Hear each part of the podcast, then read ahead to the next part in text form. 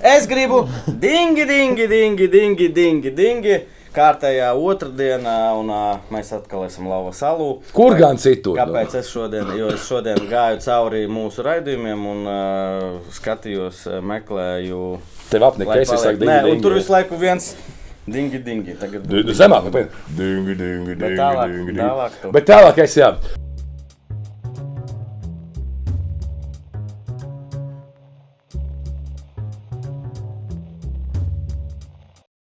Šokā pie mums, un šeit bārā un pie jums jūsu mājās ir viesis. Viesis ir eh, bijušais Latvijas volejbola federācijas ģenerālsekretārs. O, Jā. Kāpēc tas smējies? Bijušā eh, ba- volejbola kluba Lāse R. Ja, eh, menedžeris. Jā. Un tagad Latvijas futbola virslīgas izpildu direktors Ainārs Dakša. Es ceru, ka sarunas laikā viņš baigi mums Dakšas nespraudīs un atbildēs godīgi un no visas sirds. Jā, un pirmā lieta - atveries, lūdzu. Mēs visi zinām, mēs visi zinām šitos uh, klasiskos, un man, starp citu, komentāros pateica, ka tu saskandini obligāti izdara. M- mēs pirmo reizi saskandinām, un es jau sāku jautājumu uzdot. Tā bieži- nevajag. Nē, es patiesībā dzirdēju tādu teicienu, ja, ja, ja skandāls nesās acīs, ja, tad sešus gadus būs slikts seks. Par acīm, jā. Nu, jā. Klausies, uh, Nu, čau, Ainārs, beidzot arī čau, Čau, mums ir. sen, jā, jā. mēs tevi saucām. Jā, Kāpēc tu negāji? vēl nebiju gatavs. Tas ir liels Tam izaicinājums. jānobriest, ja? Jā, nē, tā ir liela atbildība atnākt pie jums parunāt. Beidz, beidz. Pēc tāds šubāra saruna. Divi padzīvojuši kaut ko, ko Es domāju, izteikties par futbolu. es domāju, ka šodien būs interesanti, jo mēs redzam Aināru Dakšu arī uz bāru. Viņš atnāk stilīgs, uzvalkā, eh, gatavs sarunai. Bet eh, es domāju, ka tie, kas skatās intervijas LTV 7, kas tur sociālos tīklos, kas viņš ir? Kas viņš ir tas Dakša? No kurienes? viņš Kāpēc ir futbolā? vispār? Kur viņš ir? Jā. Kas tu esi? Parādījās tāds pēkšņi dakšs un teica, make virslīga great again, jā, bet no kurienes tu vispār esi? Rīznieks? Nē, Nē. Daugopils. Daugavpils, Pamuti ok. gribi? A, ko tu tu sēli? Daugopils, Daugopils pirmā gimnāzija. Mēs vienreiz ar, eh, braucām no vienas spēles un ar Edmundu kopā ar, un ar Anatoliju. Tad mēs konstatējām, ka mēs esam visi pirmā gimnāzija. Pagaidiet, mums. Uh, ah, un es tevi pabrīdinu, mēs pārtrauksim tevi ļoti daudz. Edmunds taču ir no poļu skolas kaut kādas, ne? Nezinu, mēs runājam par pirmo gimnāziju un taisījām vēl selfiju. Nu, Edmunds domāja, tā ir poļu pirmā Un ģimnāzija. vēl aprunājām, un vēl aprunājām skolotājus, kas, kas ir bijušas vai kas nav bijušas. Tev ar Anatoliju bija kopīga Ar skolotāja. Anatoliju. Nē, viena, nē, viena, viena pat man liekas, ka bija. Nu, bet tur, tur tagad man vajag atcerēties. Bet es zinu, ka mēs nonācām līdz Nu, tā kopsaucējiem. jau ir jāskolotājs līdz galam. Bet, bet, bet, bet, bet kopumā nu, tā ir vidusskola, tā ir gimnāzija, tad ir 2001. gads, tā ir Rīga Universitāte. Pirmais, otrais kurs. Un Cik tas, kas ne... gadi? Kā man tagad? Jā. 40. Fū. Okay. Okay. Es, domāju, nē, es domāju, ka tu jaunāks. Jā. Un, un, un principā tas, kas pieteikumā neparādījās, tad pēc būtības eh, tur ir volejbola federācija un tur vēl ir Svetbanka. Vēl tajā laikā Hansa banka. Un, uh -huh. un tā, ka tur nu, interesants. Tu tas bankieris biji? Es sāku, es mācījos finanses, un tā vienā brīdī pēc, pēc pi- pirmā gada volejbola federācijā, tā, man bija jāpārkārto dokumenti, viss kaut kas pārējais, tad sapratu, ka varbūt tas sports tomēr nav priekš manis. Pat cik es tur biju kaut kāds trešais vai ceturtais kurs, tad es izdomāju, ka es iešu strādāt bankā. Ok. Tad es nostrādāju kādu pusotru gadu bankā, un tad mani uzaicināja mans jau no pirmā etapa paziņa. No volejbola Mārcis Vāvers. Tāds. Bet volejbols jau Daugavpils? Nē, volejbols bija Rīga, un tajā laikā tas saucās eh, klubs eh, Inčukalns. un Tad mēs pēc tam no Inčukalna pārbāzējāmies uz, uz Rīgu un bija sadarbība ar Sporta klubu Rīga. Respektīvi, ja šobrīd mēs runājam, ja mēs runājam par, nē, tā bija eh, īstenībā, jā, tā jumta organizācija bija tā pati. Jo, principā, Medin, nē, tur bija Hinsenbergs. Hinsenbergs bija Lāsē, tas bija Ah, nevis tas Inčukalns, cits. Jā, Ja, tas bija ir cits. Es lāsu, atceros, jo 49. dzīvoju, viņi Jā, spēlēja jā, mājas jā, spēles, jā. un es sadraudzējos viņu arī Nu, daudz. principā tajā laikā tas bija tāds savs derbijs, Inčukāns un Lāsis, un trešais vēl bija. Ozolnieks Poljūras. Jā, bet, nu, jebkurā gadījumā tas stāsts ir par to, ka mēs ienācām iekšā Rīgā no Rīgas rajona. Mums izveidojas sadarbība ar Sporta klubu Rīga, un tad zem tā Sporta kluba Rīga, tas, par ko tagad runā, par to, kādā Rīgā jābūt sporta sistēmai. Jā. Jā, es ieteiktu atgriezties pie tā paša pirmsākuma, kas bija vecos labos laikos, pirms 7. gada krīzes, jo tad bija savulaik, savulaik tas bija Sporta klubs Rīga, un viņš Un principā apakšā ir basketbols, volejbols, Basketbols, hokejs, florbols, jā, tur bija hokejs, daudz viss. sporta veidu, tur bija apakšā iztaisīta sistēma. Un viens, kādā- un viens izpildirektors visam. Jā, jā, toreiz viņš pieskatīja visus sporta veidus, bet katrā no sporta veidiem teiksim, tā, bija savs cilvēki. savs ģenerālmenedžeris, kas tālāk nu, ar to visu nodarbojas un rūpējās. Pagājušajā FK Rīgā arī bija zem šī. Uh, jā, Ja? jā. Nu, respektīvi, tur bija HK 2000, hokejs, TTT, A, Kāpēc basketbols. no šī atteicās? 7, 8 gada krīze, tā, kad tur viss sāka visu Naudas samazināt, nebija, nu. saīsināt, tad apgrieza visus budžetus. Un, principā, nu, es nezinu, cik ilgā laikā, bet arī to, to sporta klubu pēc tam izformēja. Ok, bet Ainārs un sports. Daugopilī, ko tu darīji? Ainārs un sports. Mukina urlā, vi- Pirmajā gimnājā spēlēja. Mums bija tāds treneris Walters, un tad viņš mums. Nu, div- mēs zinām, ka mums konkurence tur vienā. Nē, tas nav tas. Ne tas, tas? ir, nē, tas ir cits. Bet mums parasti bija eh, sporta stundas, un viņas parasti bija divi sporta veidi - basketbols un futbols. Kur volejbols, Dārgājas volejbols? Daugopilī? Eh, Skolas, skolas, skolas, skolas sportā skolā nebija. Tā ārpus skolas neko citu nesportoja. Pārlaucot pāri, tev ir izskaidrojums, kāpēc Dārgājas nav basketbola komandas. Vīriešiem vismaz augstākajās līgās. Man, es neatceros. Nē, nu, droši vien, ka tur jāskatās vēsturiski, kā tie sporti ir veidojušies. Jo mums jau pa lielam, ja mēs paskatāmies par tādu Latvijas geogrāfiju, kur kas ir bijis, nu, tas ļoti tādos vēsturiskos nu, materiālos jāmeklē, kā vienkārši tās komandas veidojās. Daugoplība, volejbols, ķīmiķis, dauvers, un respektīvi tās komandas vēsturiski pie uzņēmumiem, nu, tajā laikā pie tām visām rūpnīcām veidojas, un viņas tika veidotas. Tas tāpat kā Rīgā bija radiotehnikas, tur TTT, ASK, VEFS. Nu, Ainār, tu esi vecāks par mums, tagad es to uzzināju. Tagad tu, tu varbūt zināsi, jā. kāpēc Speedways ir eh, Daugopilī? Es nezinu, kāpēc. Tu To to droši vien ja? tālāk jāprasa. No kurienes Nē, bet, man- nu, bet nu, viņš jau kurā gadījumā viņš bija jau rūpnīcas sporta veids. Nu, viņš jau arī zem lokomotīvas bija tajā laikā. Tas uzstāja, tad klubos ir Arī baigs PSRS laikos bija Speedways. Jā, jā, Jā. jā. Ah, okay. Tā, ka, nē, tas, tas ir vēsturiski. Mums jau ļoti daudzās vietās, un, un tas īstenībā varbūt pat nav slikti, ka tie nu, sporta veidi viņi tādā veidā arī vēst, vēsturiski ir veidojušies. Nu, mums jau arī šobrīd nu, nav tā, ka gluži ka visās pilsētās un attīsta visus sporta veidus. Jā, bet nu, pēc būtības, ja mēs tā, tā atnākam, tā normāli apsēstos un nu, padomātu tādā plānošanas līmenī, tas jau būtu forši, ka vienā pilsētā attīsta viena, otrā, otra, Tieši, trešā, trešā. es gribēju teikt, ka nu, labi, varbūt Rīgā ir iespējams visus sportoidus jā, kaut kādā mazākās veidā. tu- kur- Bet nu, tas jā. pats, nezinu, Ventspils, nu, es tur 30 vai cik tur tūkstoši iedzīvotāji. Nu, būtu muļķīgi censties visu sagrābt. Bet cenšas, ne? Nu, Nē, nu. Vēnspils jau vēsturiski izveidojās, un tur tas virziens jau bija ļoti skaidrs. Man liekas, jau no pašiem pirmsākumiem, un tie divi galvenie sporta veidi, kas gāja, viņi jau ļoti ilgu laiku gāja un ļoti arī nu, lielu.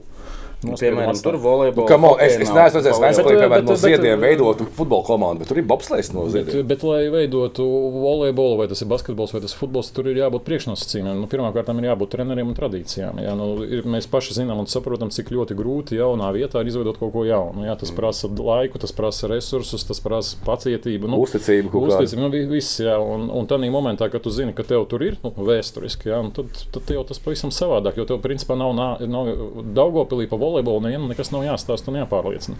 Jo tur viss saprot, ka tas ir ar tradīcijām sporta veids. Daugopilī apmeklējums, ja tu salīdzinātu ar futbolu. Jo es tiešām nesakoju līdzi volejbolam. Kā ir? Tur iet cilvēki uz vietējām. Kas vispār tagad? Es atceros, DU ezerzeme bija. Nu, principā, Tagad tas, tas klubs, eh, es nezinu, vai tā ir tā pati juridiskā vienība, bet, nu, t- jebkurā gadījumā nu, viņš ir pārmantojis. Un tā vienīgā komanda, kas tur faktiski ir bijusi, viņa šobrīd arī faktiski ir, ko doma atbalsta. Jā, vai, vai tā ir tā pati juridiskā struktūra, to es nezināšu. Bet, nu, Kandavas iela 17, eh, pilsētas sporta, Sporta sporta, skola. sporta skola.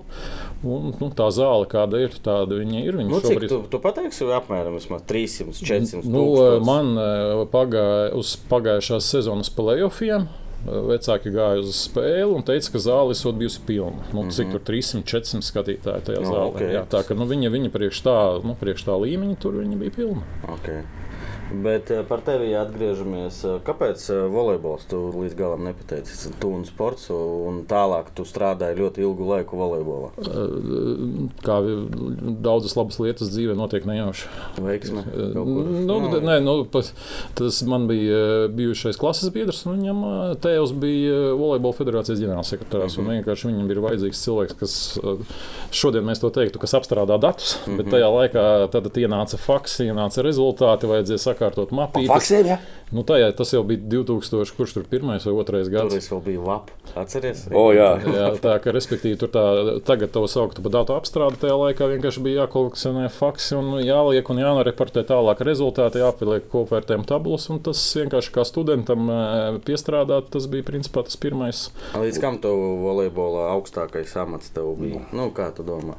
Tavā, tavā vērtējumā. Nezinu, tur ģenerāls sekretārs. Nu, eh, ģenerāls fed- sekretārs. Federācijā biji. Es Nu, jā, nu. federācijā ģenerāls Es sekretārs. to minēju, es nezināju. Es to Jā, pieteicu Nē, viņam. nē, tas, nu, bet, Ah, tā, jā. bet tas jau bija 2000, kurš 2015. gads. Nu, respektīvi, tas volejbola stāsts viņš jau arī dažādi tur vijās. Jā, jo Gan viņš, desmit gadus tu biji riņķī apkārt visu kaut ko. Jo, jo, jo principā federācijas atpakaļ nonāca kaut kādā 2010. gadā. Nu, pēc, arī pēc, pēc, pēc tam visām pārmaiņām, kas tur bija Latvijas sportā kopumā, un tad es eh, faktiski nu, nonācu tādā veidā, ka mēs tie divi klubi.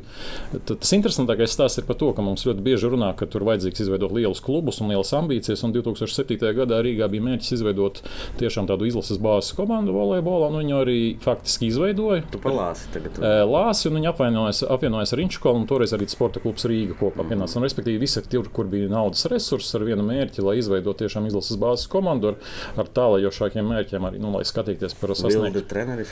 Vilda bija treneris, Uģis Krastīņš. Tajā laikā laikam pabeidza karjeru un arī atbrauca uz Latviju. Bet Kur viņi spēlētu? Kur viņi spēlētu? Čempionu līniju volejbolā vai nezinu Eiropas kausa. Tad tas pirmais mērķis bija sekmīga dalība Eiropas kausos. Bet redziet, tas projekts vienkārši viņam nerealiz, nesanāca realizēties, jo nu, tā gada laikam es, es, es vienmēr jaucu, vai 7. vai 8. gads, bet respektīvi tas, tas gads, kad, Krīze kad, kad, bija. kad uznāca tā lielā krīze. Viņa sākās, man liekas, 7. Nu, jā, un viņa turpinājās 8. Bet es kā tagad vienkārši atceros to 7. gada decembrī, kad mums vienkārši pateica, ka nu, naudas vairāk nav, sezona kaut kādā veidā ir jāpabeidz. Un pēc tam tālāk jau nu, skatīsimies vienkārši, kas būs, kas nebūs. Ainēr, a no kā dzīvo volejbols Latvijā? Ot, ja, nu, mēs visi uzskatām, Tad vai tagad? Tāda un tagad. Nu, labi, tā, tāda un tagad. Tajā laikā- UEFA taču nav sava. Nē, nē, nē. nē. Nu, ja, ja mēs runājam par klubiem, tad tajā laikā principā, nu, tas, tas Latvijas čempionāta mugurkauls jau ir veidojis faktiski no šiem trim klubiem. Mm -hmm. Un, principā, katram viņam aizmugurē bija kaut kāda sev atbalstītāja. Ja? Nu, Lāsa zemesardzes, tas ir, tas ir Robežs- piena kombinācija. robežsardze, Robežsardze. Ir piena kombinācija. Tas bija Rīgas piena kombināts. Un, tātad, iekšlietu Inču- ministrija. tātad iekšlietu ministrija, Inču kalns, tas bija privāts sponsors un sporta klubs Rīga, Polijūrs, tas bija Ozolniekos. Jā, tātad arī tur bija pašvaldība un arī liels uzņēmums. Nu, principā, ja mēs skatītos, nu, mēs ļoti bieži un daudz kur runājam par to, ka mēs gribam, lai tā klubu sistēma būtu daudz nu, tāda, nu, plašāka un viss kaut kas, bet nu, mēs Nav saprotam, resursu ja mēs paskatāmies tādā, nu, cauri tādām vēsturē, jā, mums principā visas komandas, kas, kaut kur veidojušās uz kaut kādu rez- rezultātu orientētas, tur tomēr vairāk vai mazāk vienmēr aizmugurē bijuši kaut kādi cilvēki, kas to visu vai nu ir veicinājuši, vai arī paši ir bijuši ar pietiekoši lieliem resursiem. Mm. Un, respektīvi, tajā laikā tas bija laiks, kad arī Latvijā eh, no ārzemēm atgriezās spēlētāji, jo nu, algas Šeit varēja maksāt kaut Šeit varēja maksāt, un šeit arī maksāja. Ja? Un tas arī bija Ārzemēs laiks, nevarēja. Ārzemēs. Nu, acīm redzot, ja brauc atpakaļ un izvēlējās šeit, tad acīm redzot, tie Es apstākļi. nebija. atceros, vienkārši tas bija laiks, kad es tiešām mazliet sekoju, jo bija interesanti, kad eh, Lāsēta spēda bija Baranovskis eh, spēlēja saspēles. Saspēles eh, vadītājs, jā, tajā laikā taču tagad Mārtiņš Pļaviņš, Jānis Šmēdiņš, Jā. nu es negribu kādu aizmirst. Hatuļovs atgriezās, man liekas. Vai, vai viņš vēlāk? Nu, tas dēpilietis. Jā, spēlēja. bet man liekas, viņš, vai viņš atgriezās, vai viņš spēlēs. Tagad, tagad jau neatceros, bet bija arī daudz jaunieku, kuri arī šobrīd vēl turpina savu veiksmīgu savas karjeras. Nu, respektīvi, teiksim, tā bija priekšnosacījumi, lai veidotos. Un, nu, tā kā viens pazīstams treneris teica, nu, varbūt ka lielāko naudu šeit Latvijā nenopelnījis, bet, nu, lai sāktu veidot savu karjeru un iet tālāk un, un, un veiksmīgi realizēt savas karjeras, un atgriežamies pie tā, ka daudzus gadus ā, Denis Petrovs, kas bija cēlājs un kas mm -hmm. spēlējis daudzus, daudzos, daudzos labos klubos, nu, viņš jau arī savu karjeru uzsāka.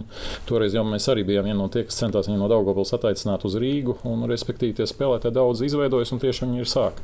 Diemžēl tas ā, krīzes gads viņš daudzās jomās, ā, daudzās Ne tikai jomās. sportā tas bija. Nu, tas ne tikai sportā, bet nu, mēs šodien runājam par sportu. Jā. Jā. Jā, tad, eh, tad viņš tur to, principā, to, to, to, to attīstības, nu, viņš, nu, iegrieza. Bet, iegrieza. ļoti bieži runā par valsts atbalstu. To, jā, nu, tur jā. daudzi cilvēki raksta, ka tur futbolam, nu, nes, kuri jā. cilvēki nesaprot. Jo mēs visi saprotam, ka valsts plus mīnus tikpat dot uh, volejbolam un futbolam, vai ne? Vai es kļūdos? Nu. Uh, tad, tad ir jāsadala, kam valsts dod naudu. Valsts naudu dot izlasēm, valsts naudu nedod klubiem. Jā, Respektīvi, jā, jā. tas, par ko mēs šobrīd runājam, mēs runājam par privātiem klubiem, kuri kaut kādā veidā ir atraduši partnerību vai nu ar pašvaldību, vai, nu, ja mēs runājam par iekšlietu ministriju, tad tā vēsturiskā struktūra vienība, kas ir atbalstījusi volejbolu, tā ir bijusi vēsturiski robežsardze.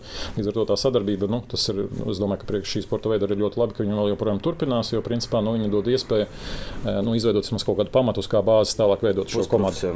Bet kur ir viņa interese? Kur ir robežsardzes interese? Tā, tā, tas, ir, tas ir vēsturisks. Tas ir vēsturisks. Nu, tagad tas ir sasaucies vēl ar to duālo karjeru, ka tev nu, ir iespēja pēc tam arī pabeidzot to pārkvalificēties. Bet, jebkurā gadījumā, tas, tas, nu, tas, tas tie pirmsākumi. Nu, Kad ir tie pirmsākumi, man ir grūti pateikt, bet, ja mēs eh, paskatītos materiālus, tad eh, iekšlietu ministrijā ir eh, struktūra vienība, laikam viņas sauc iekšlietu ministrijas veselības un sporta centrs, nu, kas principā arī valsts izlošu dalībniekus, respektīvi, nu, nodrošina arī ar šiem atbalsta mehānismiem. Tas nav tas tāds, jo, nu, Krievijā tas ir ļoti populāri. Tur ir Dinamo, kas ir iekšlietu, CSK armija, nu, tas tā. Klubi, kas ir piesaistīti kādām lielajām valsts. Nav, nu, var teikt, Krievijā var pateikt arī ar Eiropā. Jā, nu, jau arī, arī ir. ir jau arī Eiropā. Jā, protams, ka e, te ir jāsaprot, kas ir mērogs. Jā, ja mēs runājam, skatāmies pa futbolu, tad skaidrs, ka tas mērogs, nu, tas atbalsts un tas finansējums, kas tur ir pieejams, nu, viņš droši vien ir nu, nesalīdzināms. Jā.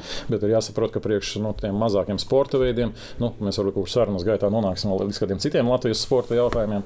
Bet, ja kurā gadījumā nu, ja mēs atgriežamies pie tā, ka Latvijā sports tomēr ir liels un ka viņš nesākas un nebeidzas ar futbolu, tad nu, katrs jau mēģina atrast sev tās iespējas, lai sevi nu, kaut kādā veidā izdzīvot un, un, un, un kaut kādā veidā censties attīstīt. Jā. Mm. Tie, tie, tie, nu, tas laiks, ja mēs atgriežamies pie tā, kas tajā laikā bija, nu, mums visiem atmiņā droši vien būs lielie basketbola derbīgi, kā ASK, ASK, Barons, kas tur bija trešais.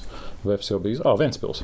Ventspils jā, tur toreiz Detrojas Breks, un tur nu, tie visi, nu, respektīvi, pilnās arēnas. Viss. Jebkurā gadījumā tas, tas periods, viņš priekš Latvijas sporta, nu, viņš tāds šobrīd no šī brīža viedokļa liekas kaut kas nereāls. Jo tas ir reāli. Jo reāli tad pilnas zāles, viss tas, nu, kaut kā. Kā ir interesanti, ka tas laiks bija tāds, wow, tas bija ot, basketbolā, volejbols, bet jā. futbolā bija Nu, nebija nekas Dirsā bija. Nu, dirsā nē, tas vēl laiks, kad nē, tas vēl nē. Tad vēl arī izlase tur cīnījās, bet nebija tur eh, kā tagad, es teiktu. Bet uh, tagad pagāja, nu jau cik sanāk, 13, 14 gadi. Futbols, es, do, eh, es par naudas ziņu, Jā. naudas ziņā un tādā vidējā līmenī it kā Mēs visu laiku runājam, es visu laiku baidos to teikt, jo es baidos, ka mēs esam burbulī kaut kādā. Un pārējie, nu, basketbolā toču ir sliktāk, jo es basketbolam sekoju visu laiku. Nu, Pat sava čempionāta Jā. nav. Nu, Jā.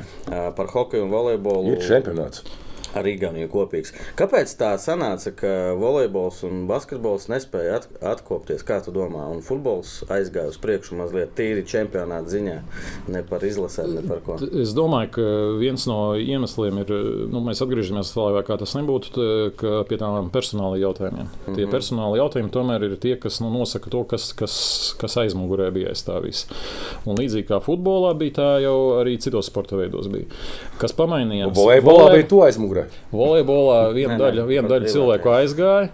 Nu, vietā neatnāca jauni. Ja mēs redzam, futbolā, futbolā kaut kā paudze ir nu, nu, nu, nomainījies, tagad ir parādījušies citi, kas savukārt to nu, tu, tu, turpina un attīsta. Nu, respektīvi, kaut kādā savā, savā nu, izveidot jaunu jā. klubu, respektīvi, nevis pārmantot. Krāmos, Milos, kas, eh, kas droši vien vēl par ko ļoti būtiski ir jārunā, ir jārunā tomēr, ka periodā pēc krīzes jā, bija ļoti, ļoti būtiski ietekme tomēr arī valsts kapitāla sabiedrību atbalstam. Un viņš eh, kaut kādā mērā, protams, ka eh, nu, varbūt nu, ne, ne lielākajos apjomos nonāca arī līdz futbolam. Ainārs jau pateica trīs teikumus. Es vēl domāju par valsts kapitāla atbalstu. Ko tas nozīmē? Valsts kapitāla sabiedrība. Latvijas valsts mēģinājums. Ar Baltiku. Bet jā. atgriežoties pie tā mēroga, skaidrs, ka šo uzņēmumu finansiālais atbalsts basketbolam, eh, tam pašam volejbolam, jā, viņa, pat cik vienkārši šie sporta veidi nu, ir naudas mazāk ietilpīgi, jā, tas skaidrs, ka viņi daudz deva daudz būtiskāku ieguldījumu tam, lai viņi varētu sekmīgi attīstīties. Un un tas, tas bija tas moments, kad vēl joprojām nu, ka klubi uzturēja savu konkurētspēju. Nu, ja mēs runājam par droši vien vairāk par basketbolu, volejbolu, tajā momentā jau bija viņa savādāk tā situācija veidojas. Tad, tad bija viens moments, ka arī Viegls Smilts arī ilgstoši biolēra atbalstītājs Daņemko nomira. Ne, arī, nu, Respektīvi, klubs ir saglabājies, bet man liekas, skaidrs, ka vairs tā finansiālā tā rocība nebija tāda, kā bija pirms tam. Un vienkārši šobrīd nav parādījušies jauni cilvēki, kas būtu gatavi nākt un turpināt. Un tagad mēs tādā pasaulē dzīvojam, ka, ka es domāju, ka katrs eh, cilvēks, kuram ir, nu, kuram ir nauda, kurš it kā varētu, nu, simts reizes padomās. Vai... Nu, ir jāsaprot, ka sabiedrība mainās, uzskati mainās, cilvēki mainās, un te ir tikai tas jautājums par to, kas kuram šobrīd ir svarīgs, kas kur, ko, ko redz jēgu. Nu, es īstenībā domāju, ka tas, tā, tas, ka šobrīd futbolā šādi cilvēki ir, es jebkurā gadījumā uzskatu, ka tas ir uh, futbola noteikti pluss. Protams. Jā, protams. jo jebkurā gadījumā to visu vajag novērtēt novērtēt. Es zinu, ka mēs arī nu, ļoti bieži dzirdam apkārt runas par to, ka tas ir labi vai slikti, vai cik tas ir nestabili. Bet nu, ir jāsaprot, ka šobrīd tādu, tādu nu, īstu klubu sistēmu par to, ko mēs runājam bieži tur vai tur Skandināvijā vai vēl kaut kas, nu, mums šobrīd Latvijā tā sistēma līdz galam nestrādā. Un iemesli tur droši vien ir daudz un dažādi. Līdz ar... Es tev pārtraukšu. Tas ir tas, eh, par ko mēs visu laiku runājam. Ka, piemēram, eh, liels paldies eh, Betsafe un ceram, ka vēl simts gadus atbalstīs jā, PPC. Bet gribētos aiziet līdz tam brīdim, kad Betsafe nu, vai nu notiek kaut kas, vai cilvēks pamainās. Viņš saka, nē, man PPC neinteresē. Varbūt mums būs mazāk iespēju, bet mēs vienalga paliksim. Un šobrīd ne tikai futbolā, jebkurā, man liekas, uh, Nu, nosauc. Varbūt meta varētu, bet arī, ja tur Andris ar girtu paietu maliņā, vai tur parādītos cilvēki, kas paņ... Eh, es pat es pieņemu, ka parādītos, es pieņemu, bet tā no, parādītos. No, okay, bet nu, ļoti maz tādu klubu, kur nu, aiziet. Tā... Ja lokomotīvs paiet malā vai tā sistēma, tad politikā, politikā to tagad uh, lieto iedzienu ilgspēju. Jā. Nu, jā, respektīvi, jā. Vai, vai cik viņi ir ļoti ilgspējīgi vai nav ilgspējīgi. Nu, nu, droši vien, ka diemžēl tā ir. Mm -hmm. Jā, nu, bet nu, tā šobrīd ir šāda Šajā situācija vienkārši, tu pareizi saki, vienkārši jāpriecājās, ka futbolā ir tie cilvēki, bet es domāju, ka tas nav tāpat vien. Tas ir par to, ka tur uh, Twitterī es laiku smējos futbols karalis, jo tie cilvēki arī, kuri iegulda to naudu, viņi, viņiem vismaz ir kaut kāda iespēja kaut ko saņemt kādreiz ar transferiem, ar uh, eiro kausiem. Nu, es, es pieļauju, ka es kļūdos, bet man liekas, ka tas ir arī tas tāds racionālais tiem cilvēkiem, kas ja nospīd. Ka nospīd tiks Eiropas kausu. Tur... Es nezinu, es tādā ziņā man ļoti bieži arī prasa. Nu, Cik es tikai ne tikai futbola sabiedrībā, bet ar, tomēr vēl joprojām uzturu arī draudzību ar citiem sporta veidiem, ar, ar, ar citiem pārstāvjiem. Man ļoti bieži prasa, kas ir tas iemesls, kāpēc cilvēki iegulda naudu. Nu, reāli, jā, jo skaidrs, ka gribētu teikt, tas ir bizness, jā, bet nu, mēs Bet. paši saprotam un mēs redzam, ka tas ka kaut kur varbūt atsevišķos elementos veidojas, bet nu, droši vien par biznesu tādā klasiskā izpratnē to nosaukt nevar. Tad manā, manā izpratnē, tur pareklamējot nedaudz, atgriežoties pie gadu veciem noteikumiem, vai, vai nedaudz mazāk, tas ir RFS izveidotā filma. Man liekas, ka viņi ļoti spilgti parāda, kas ir tas viens no iemesliem, kas un kādu sniedz baudījumu tiem cilvēkiem, kas atbalsta un kas to visu zina uz priekšu. Ainā, jā, bet uh, to baudu var arī gūt jebkurā citā sporta veidā. Saprotiet, bet tur vēl ir kaut kāda pievienotā jā, vērtība, jā, kaut bet, kāda. Tas ir liels bet, liekas, bet, bet, bet, bet, bet mēs katrs esam dažādi. Jā. Pirmkārt, to var ieguldīt dažādos sporta veidos, un to var arī ieguldīt ne tikai sportā, to var ieguldīt mākslā, teātrī, mecenātī. Mums jau jā. tomēr ir cilvēki, kas iegulda dažādos segmentos. Jā, tāpēc jau ir tā, ka mums tur, mēs zinām, ka vismaz agrāk ar, ar kultūru kāda cilvēka asociējās. Mums ir cilvēki, kas mākslā iegulda, un respektīvi tas nav slikti, jo principā to jau sauc par mecenātismu. To ir grūti nosaukt par biznesu vai, vai par kaut ko. Tur cilvēkiem vienkārši iegulda. Pat, pat ne sponsorēšana. Nē, tā nav sponsorēšana. Nē. Nu, to, to par sponsorēšanu ļoti sarežģīti nosaukt. Jā. Jo, nu, Bet, kas ir sponsorēšana? Sponsorēšana tad, ja tu, piemēram, iegūti kaut naudu, un tu zini, ka atpakaļ tu dabūsi kaut ko, nu, atdevu būs kaut kāda. Tā, saiti, tā jā. īstā sponsorēšana parasti sākas, tad, kad tu atnāc līdz eh, kādu uzņēmumu eh, mārketinga speciālistam, ja, un tad tādā momentā, kad viņš tur sāk vērtēt un sniegt savu nu, saka, profesionālo skatu uz to un novērtējumu. Un tad tu tādā momentā vari saprast, ka tu esi nonācis tajā listē, kas ir. Tādā momentā, ja tu vienojies ar uzņēmumu īpašnieku, un viņš pirmkārt tam noticis, saprot, tev tādā ziņā bija ļoti laba intervija. Es tikai tagad neatceros, kad viņa un kur bija. Mūsu bet, eh, raidījumā. nē, viņa nebija jūsu raidījumā, bet, bet, bet viņu, viņu sniedza Raimons Elbakjans. Viņš stāstīja par savu pieredzi, par saviem pirmiem soļiem, kā, nu, ka viņi sāka veidot šo geto kustību, par to, kādā veidā viņi sāka. Ah, Geto kustības, ne filma Pušakovs.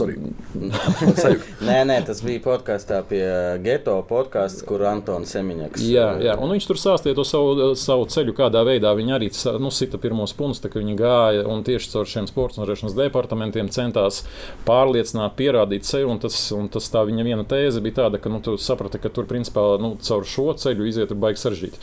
Ir jāatrod vienkārši cilvēks, kas notic savai idejai, un, un tad tā sadarbība veidojas pavisam savādāk. Jā, un, respektīvi, nu, tā, viņi aizgāja un sāka iet to citu ceļu. Tas, Respektīvi. ko mēs saucam par augstie ēpasti, ka tu Jā. vari izsūtīt eh, nepazīstamiem cilvēkiem, eh, uzņēmumiem vienkārši uz mārketingu ēpastu. Jā, Mēs jā. esam PPC, Jā. mēs tur visu izstāstījām. Mēs varam to piedāvāt. Jūs Bet, tas ja nav bet- cilvēks, kuram ir interese, vai kurš tur, nezinu, tevi iepazīst, nu, tur ir ļoti grūti. Nu, tur jābūt ļoti daudziem priekšnosacījumiem. Un, un pie, mums, eh, pie mums droši vien ka mēs visi gribam, lai būtu ārzemēs. Piemēram, apakšā šim PPC apakšā pārsūta šo e-pastu pēc saviem draugiem, ja ne tev būs nelaime. jā, jā, jā. Nē, nē, nu, bet eh, tā ir realitāte. Un, un jebkurā gadījumā tu saproti, ka tā, ka tā tas ceļš ir ejams. un Arī šobrīd eh, nu, jūsu sponsoru draugi, citi arī nu, cenšas realizēt jaunus projektus un mēģina, mēģina tomēr izveidot. Tas, ir- tas jau nav slikti. Par mūsu sponsoru, vai pār, Uzreiz, jā. jā, par uh, Betsafe, un uh, tu, tev arī stāstījis bija, tu esi bijis tur uh, saimā vai kur. kur Mēs bijām pie finanšu ministrijā. Finanšu jā, ministrijā jā, jā. tur uh, runā, un es visu gadu arī daudz maz dzirdu par uh, likumu. Varbūt mūsu skatītājiem vari izstāstīt īsumā. Kāds šobrīd ir, kādi ir noteikumi? Kāpēc, piemēram, mums uz uh, krekliem ir Betsafe uh, Sports. sports Sports, uh, bār, nē, Jo ir visādi citu kantoru TV. Un, Jā. nu, Kā- Jā. Long story short ir Jā. pavisam vienkārši. Ir skaidrs, ka šobrīd ir noteikts uh, likumdošanas ietvars. Un likumdošanas ietvars uh, azartspēļu interaktīvo nu, tādu reklāmēšanu kā tādu uh, aizliedz. aizliedz, jā. Līdz ar to nu, šobrīd ir daudzi uzņēmumi, respektīvi, Nu, visi. nu, visi jā. viņi veido vienkārši jaunus zīmolus. Nu, viņi veido jaunus zīmolus, kas juridiski nav, Nav, aizliegts. jā. Jā. Līdz ar to, nu, bet tas jau ir izveidojis vēsturiski, un tādā ziņā tas jau nav tas, kas ka tagad vienkārši par to tagad sāk runāt. Pasaules mērogā mēs esam vienīgie, ir vēl valstis, mums ir strikti noteikumi vai vidēji. Mums, mums, principā, noteikumi ir vieni no striktākajiem. Ja mēs atgriežamies pie mūsu blakus valstīm, jā, tad šie likumi ir daudz brīvāki.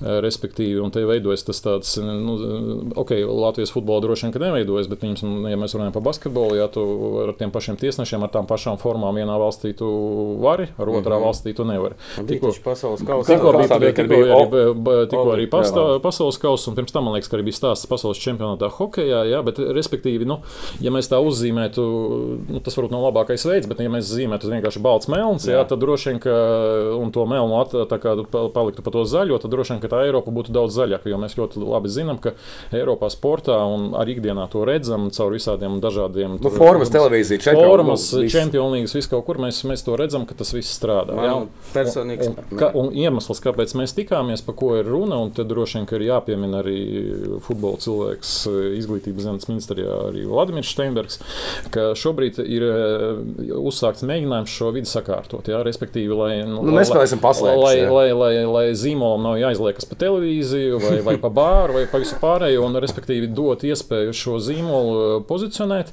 eh, nereklamēt azartspēles kā tādas, respektīvi neaicināt un neveicināt eh, likmi likšanu visu pārējo, bet tajā vidē, kas principā šiem uzņēmumiem ģenerē un veido tirgu, jā, tad viņiem dot savu zīmolu atrādīt. Mm -hmm. Ierobežotā un limitētā veidā, par ko šobrīd notiek diskusija, nu, respektīvi, tādā momentā, kad nonāk pie sapratnes, ka, mm. ok, darām tā, nu, tad tur droši vien, kad atnāk juristi un viņi saliek punktus, ko drīkst, ko nedrīkst. Bet pēc būtības ir tāda, ka tu vari uzlikt uz krēkla, ka tu vari pasākumu norises vietā izlikt eh, reklāmas baneru, nu, un tad tur varbūt vēl kaut kādas mazas lietas, vai nu uz kaut kādiem eh, printiem, vai vēl kaut kur, lai to var nu, zināt, ka salikt un ka tu neesi noziedznieks. Ja. Mm.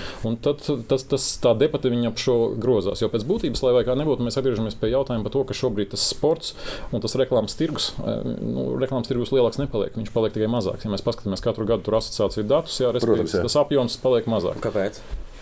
Nu, tāpēc, Mainās ka, veidi, mainās, Tāpēc, ka liela daļa no reklāmas naudas viņi aiziet globālos iekšā tirgos, viņi aiziet sociālos tīklos, visu kaut kur, mm -hmm. jo tu tur vari daudz precīzāk sasniegt savas auditorijas, un tam iemesli ir dažādi. Ja. Un, un rezultāts ir tāds, ka nu, arī pie tā kopējā sporta, nu, es negribu teikt, ka bagātības, bet droši vien, ka drīzāk nabadzības, jā, ir jāsaprot, ka tā nauda, kas šobrīd nu, no šiem uzņēmumiem ienāk Latvijā legāli strādājošiem, nu, ja viņi iziet ārā, tad īstā vietā jau cita nauda neatnāks. Līdz ar to veidojas situācija, kad faktiski mēs kaut kādā mērā apdraudam vietējo sportu nu, ar naudas uh, samazinājumu. Tāpat laikā saprotam, ka uh, pat ja mēs aizliedzam šos vietējos zīmolus, Neviens jau neaizliegs Dēvinam vai kas tur tie pārējie, jā, respektīvi, Čempionu līgā visu to informāciju mums sasniegt. Jo, respektīvi, tas jau apkārt strādās tāpat. Jo, nu, es nedomāju, ka mēs globāli attīstīsim. Es, es, es domāju, ka mums nebūs tā kā Ķīnā, ka mums aizliegs tur Facebook. Tas ir ļoti līdzīgs piemērs, bija, kad mēs izveidojām PPC. Trešajā līgā vēl mums bija no mums nosacījums BetSafe, un viņi arī paldies viņiem, ka mūsu spēles nepiedāvāt BetSafe. Nu, lai nebūtu, zināmā kā internetā notiek. Viņi, Nē, nu, viņi to izdarīja otrajā līgā.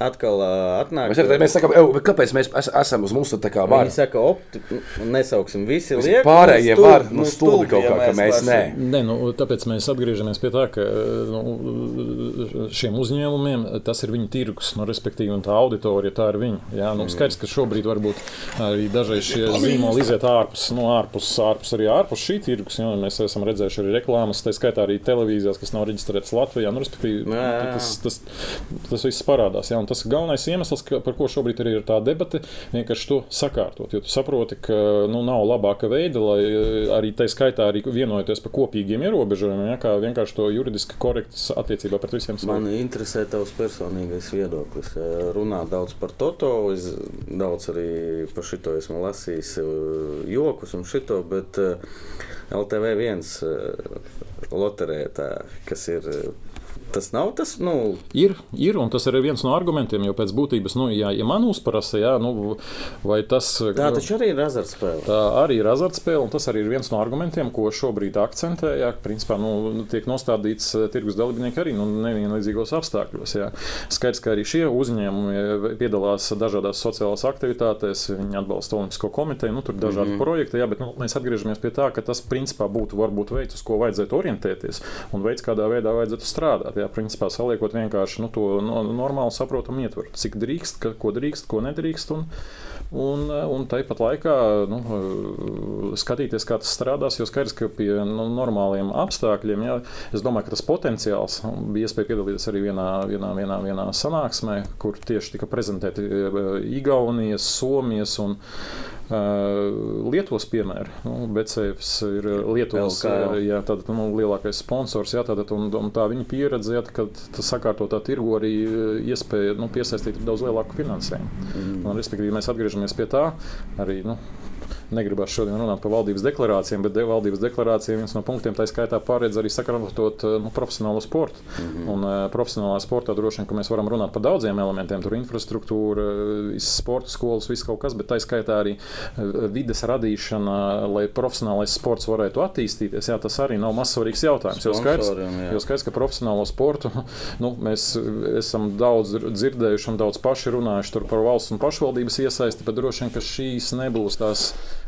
iestādes, kas attīstīs. Jā. Tas ir pirmā, primāri sponsoru ieguldījums. Un skaidrs, ka šajā sektorā, kur sports principā ir šo uzņēmumu tirgus, nu, reālais, jā, tad, tad nu, kurš cits ir ne šie uzņēmumi? Nu, tas ne tikai Latvijā. Tas ne tikai man, Latvijā. Man vienkārši ļoti besīgi, kad runā ne tikai par futbolu, ka tur bookmakeri, bookmakeri. Tas, no... nē, nu, ja, mēs, ja mēs paskatāmies visus lielākos zīmolus, droši vien, ka šodien mēs viņus nenosauksim, jā, bet, nu, ja mēs redzam, ka viņi aptver ļoti plašu spektru ar sportistiem, ļoti plašu spektru ar komandām, un mēs jau šodien, nu, tikko nosauktais piemērs ar eh, basketbola izlasi, hokeja izlasi, individuālai sporta izlasi. Liet, Lietuvas līgu. Nē, ne, nu, respektīvi, nu, mēs vienkārši šeit esam šobrīd nedaudz tādā interesantā situācijā, un tas iemesls, par ko eh, arī droši vien pārfrāzējot vienu no tiem jautājumiem, kas bija šīs sapulces dalībnieks, viņi teica, ka, kā tas ir iespējams, ja mums juridiski tas nav atļauts Bet es to dienu, katru dienu sastopos. Ja? Tas jau ir pirmā pazīme par to, ka acīm redzot, ir rekurbi. Mēs arī neesam tur asākie zīmuļi, kā saka, penālī par šiem jautājumiem. Mums uz krekliem ir BCF Sport, bet komandas nosaukumā ir BCF. Nu, tas arī kaut kā dīvaini. Nu, Nē, nu, te, te mēs varam atgriezties pie mūsu pārstāvētā zīmola. Jā, un, un, un, un tas ir bija viens no mūsu sākotnējiem. Iz, nu, tā bija mūsu sākotnējā izvēle vienkārši veidot jaunu zīmolu. Jā, tas ir tāpēc. Nu, tas, tā, tā, vēsturiski ir veidojusies. Nu, tāpēc ir, ir viena, vienam ir televīzijas, nu, bāri un viss kaut kas. Mēs, mēs veidojam savukārt zīmolu. Kaut arī mēs vienā televīzijā pirms pirmās sezonas seriāla, ko mēs laidām ārā mūsu, jo bija pāris televīzijām, un viena pateica konkrēti ir. Uh, nu, Viņiem pētīja likumdošanu, viņi saka, it kā viņiem vienalga varētu maukt, ja? Saka, bet, ja jūs filmētu šo visu Lietuvā, Jā. mēs to varētu rādīt Latvijā. Nu, var uzrakstīt vienkārši, sevi bez nekādiem tur sporta virsmām. Mm. Tas Tad mēs to varētu, bet tā kā jūs to filmējat Latvijā, tad mēs to nevaram rādīt televīzijā. Nu, idiotisks pilnīgs. Nu, tur ir jāsaprot, ka tur ir, protams, ka ir eh, jebkurš, kurš to pārraida, viņam ir jāsaprot arī, kādas ir juridiskās konsekvences. Un, eh, nu, jā- nerisk, viņi Neriskē, vienkārši. viņi neriskē, viņi nezina, ne, kā nu, te mēs, te mēs pie tā arī atgriežamies. vienkārši, Nu, cik, cik, cik, cik, cik kurš ir gatavs, un tas ir arī galvenais iemesls, kāpēc šobrīd par to runā. Jo, un, principā, mu- šobrīd Latvijā vispār par sportu ļoti daudz runā, un tas ir Tas ir ļoti labi. Tas Par ir olimpiskām spēlēm, come on. Nu, par olimpiskām spēlēm un, pa, un, un, un, un par eh, visām pārvaldības reformām un par visu pārējo. Tas, tas no vienas puses tas nav slikti.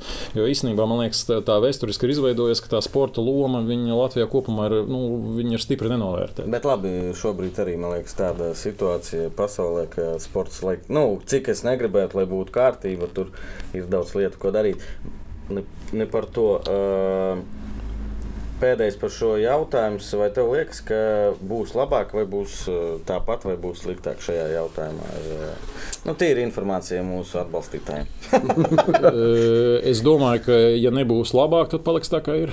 Sliktāk nebūs. Ja? Nu, ja mēs pieturamies pie tā juridiskā formulējuma, kas ir šobrīd, nu, ja viņi kaut kādā veidā nemaina, tad, eh, tad, nu, tad bet es atkal atgriežos. Tas ir jautājums principā vairāk pie juristiem. Mm. Pārlidot nedaudz pāri volejbolam. Lai gan Jā. man bija jautājums, vai tāds tu biji ģenerāls sekretārs, tas bija otrā, otrā galvenā persona nosacīta Jā. Latvijas volejbolā. Jā, Kurš bija prezidents? Atis Sausnīts. Es zinu, ka viņš bija kaut uh, saimā, nebija. Nu, viņš ir bij, Ministrs. bijis, bijis bijušais ministrs, viņš ir īpašnieks, bija Rīgas pilna kombināta. Ah, ok, skaidrs jautājums nav. Lāsa, nu, es saprotu, lāsa, jā. Nu, kāds konto? jā. Un es domāju, tagad tu esi vairāk futbolā iekšā. Jā. Nu, tu neesi ģenerāls sekretārs, bet nu, gandrīz vai. ja. Virslīgs, tas ir virslīgs ģenerāls sekretārs. Un um, tu to reāli saprast, kad, uh, kā ir eksistējis sporta veidam, volejbolam, nu, tu tur bija augstāk. Volejbolam, kuram nu, finanses uh, nav mamma UEFA, kas dod piķi programmu, programmu realizēšanai. Un tagad, kad tu redzi, kā darbojas tas pats LFF, arī kopīgais atšķirīgais vienkārši. Mērķis jau visiem viens attīstīt savu sporta veidu, tikai tā rocība un iespējas kādas ir. Ir lielais sporta veids futbols, nu, kuriem ir tas donors, vai kā to pateikt, ka no Eiropas vienkārši dod naudu, lai tu esi. Un, lai tu eksistē un lai tu nedaudz attīsties. Nu, droši vien, ka par futbola federāciju manas pašas spējas būs grūtāk, jo nu, man nav bijusi iespēja iepazīties un saprast, kādā veidā tas notiek. Bet tā atbilde droši vien būs pēc vienkārši tas tāpat, kā tas tev uzdot jautājumu, nu, kas ir vieglāk, ka tev ir uzkrājumi un ka tu esi stabils, jā, vai ka tu dzīvo no algas līdz algai. Jā, skaidrs, ka tas ir pavisam divas dažādas situācijas un, un iespēja, ko tu dari un ko tu plāno un kā tu organizē savu darbu, viņas arī ir dažādas. Līdz ar to, nu, tādā momentā, kad man bija iespēja, jāsaka, godīgi nenajauši nonākt. Tagad Nu, tā kā Kovaļovs, ja? Šitā vēl Jā. parunāsim. Jā, tad, tad, tad, tad tu Tā vienkārši... prasīja, tu negribi būt ģenerāls sekretārs, tu teici, jā? Kur? Nu, volejbolā. Volejbols vienkārši solis pa solim es nonācu Nē, līdzi. par pa futbolu viņš runāja. Klausies. Tā ir mēne mūžīgi mūžos āmen. ē, Es pat gribēju pajautāt, cik, ir, cik bija darbinieku Volejbola federācijā. Septiņi.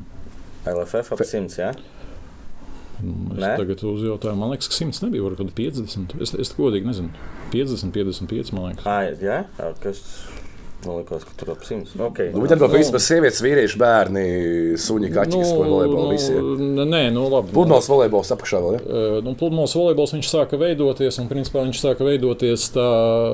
Nu, Labi, pludmales volejbols bija visu laiku. Vienkārši par viņu vairāk runāt, sāk tādā momentā, kad sāk parādīties panākumi. Ja, pirmie panākumi pie jums vai atsevišķi kā futzāls, piemēram, tajā, tajā brīdī? Nu, kā, ja mēs runājam par organizāciju, viņi ir individuāli sportisti. Ah. sportisti nu, respektīvi, ah, pareizi, nu, kā no tā, kā viņi trenējas un kā viņi gatavojas, droši vien, ka viņus vairāk var salīdzināt varbūt, ar tenisistiem. Nu, kaut kā tādā veidā.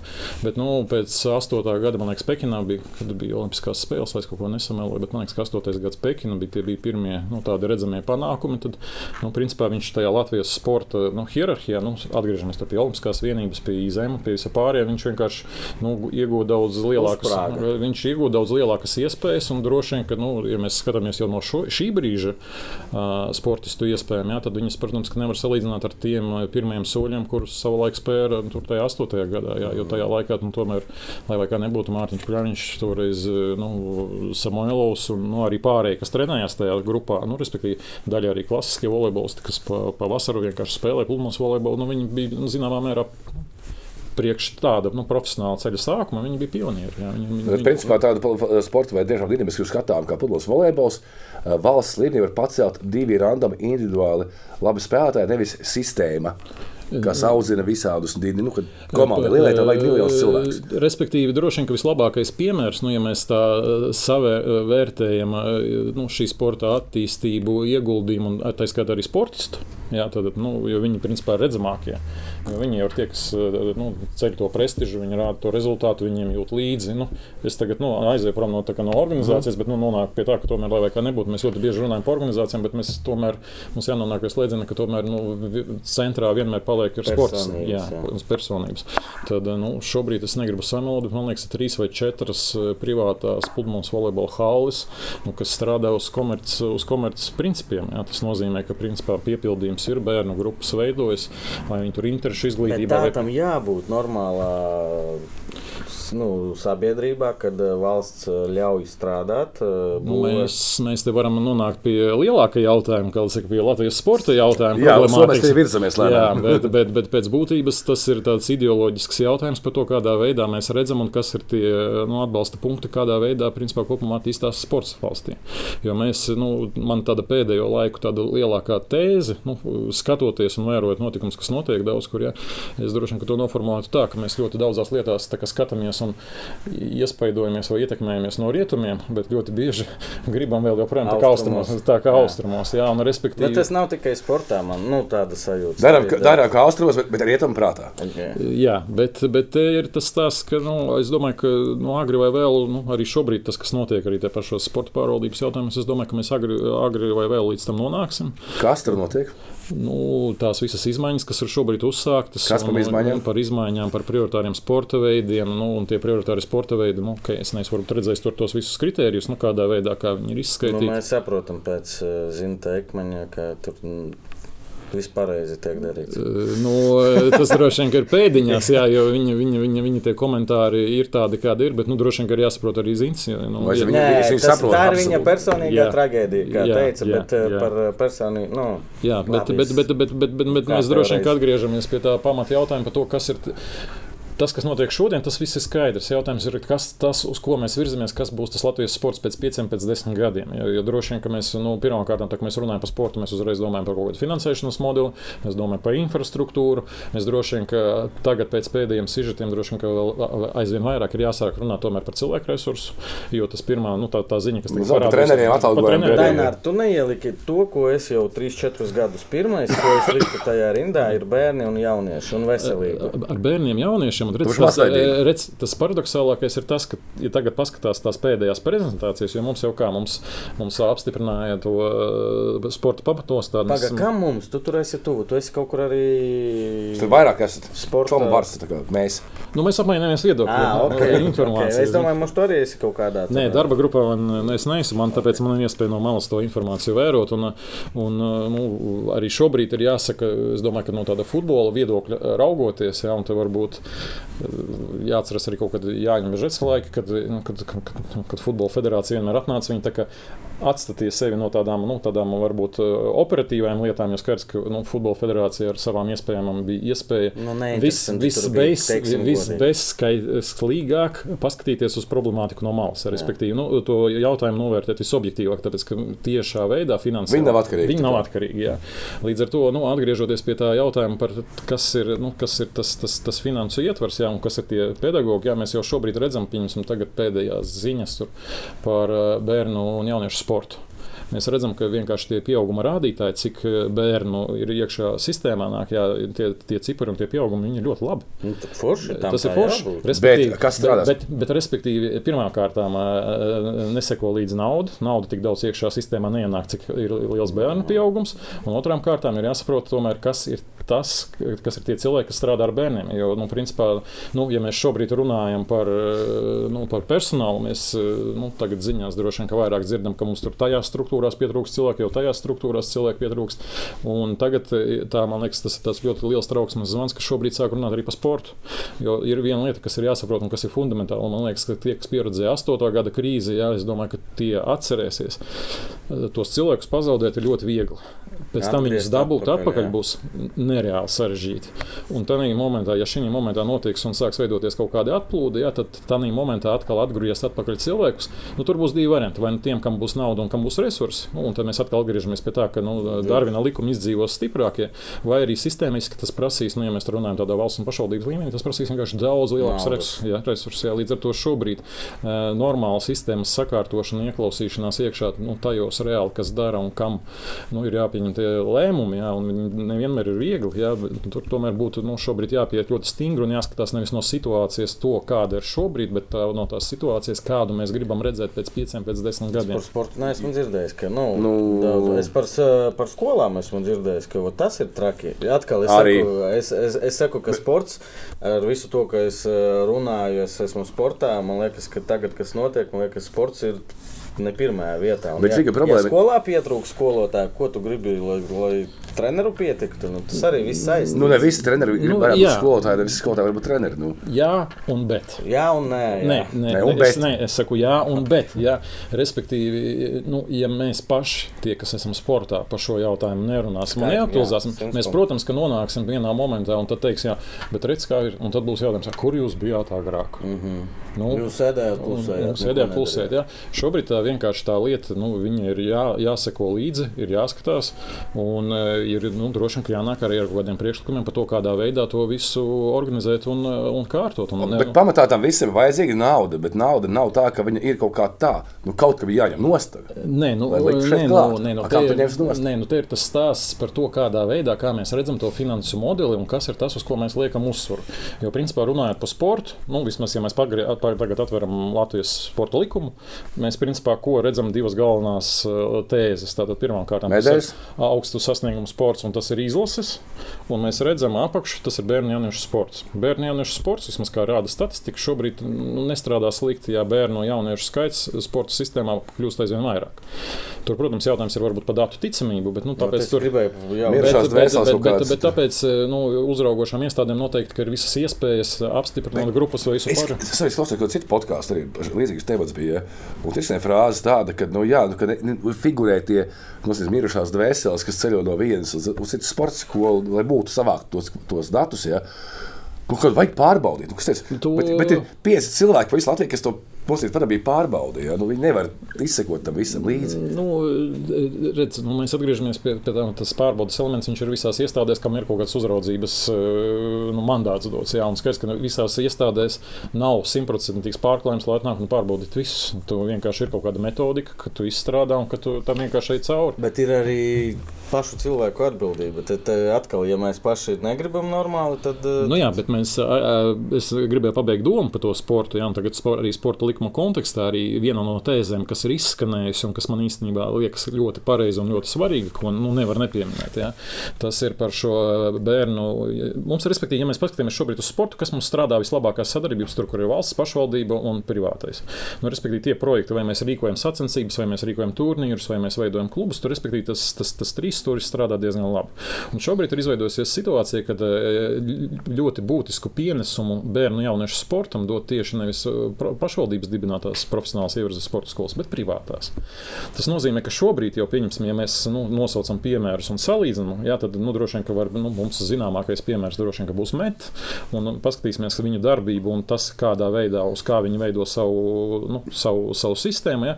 Viņi, jebkurā gadījumā, tajā viņu sistēmā tu neieraudzīs vārdu pašvaldība un droši vien, ka tur nu, kāpēc? Un par to arī ir cerība saka visu laiku. Ja. Kāpēc RFS ir? Nu, tam RFS ja. nu, mēs... ir, a viņiem nav. Nu. Tāpēc šī ir viena no tām tēzēm, kas šobrīd grozot, tā skaitā arī sporta likumu, par ko šobrīd notiek diskusija, vai viņš tiks grozīts, vai viņš tiks rakstīts no jauna, kas ir ļoti būtiski manā izpratnē. Un mēs arī esam kā virslīgi arī, arī veidojuši priekšlikumu par to, ka būtu jāskatās un jāformulē, ka šis principā varētu arī būt veids, kā skatīties uz profesionālo sportu, nu, tādā izteiksmē. Mm. Jo uz, uz, uz pašvaldības ievirzes sporta skolas klubu izveidot būs baigi sarežģīti. Bet kā futbols rāda, uz futbola pamata ir izveidot ļoti vienkārši. Un te ir jautājums vienkārši par to, kurā momentā pieslēdzas klāt pašvaldība.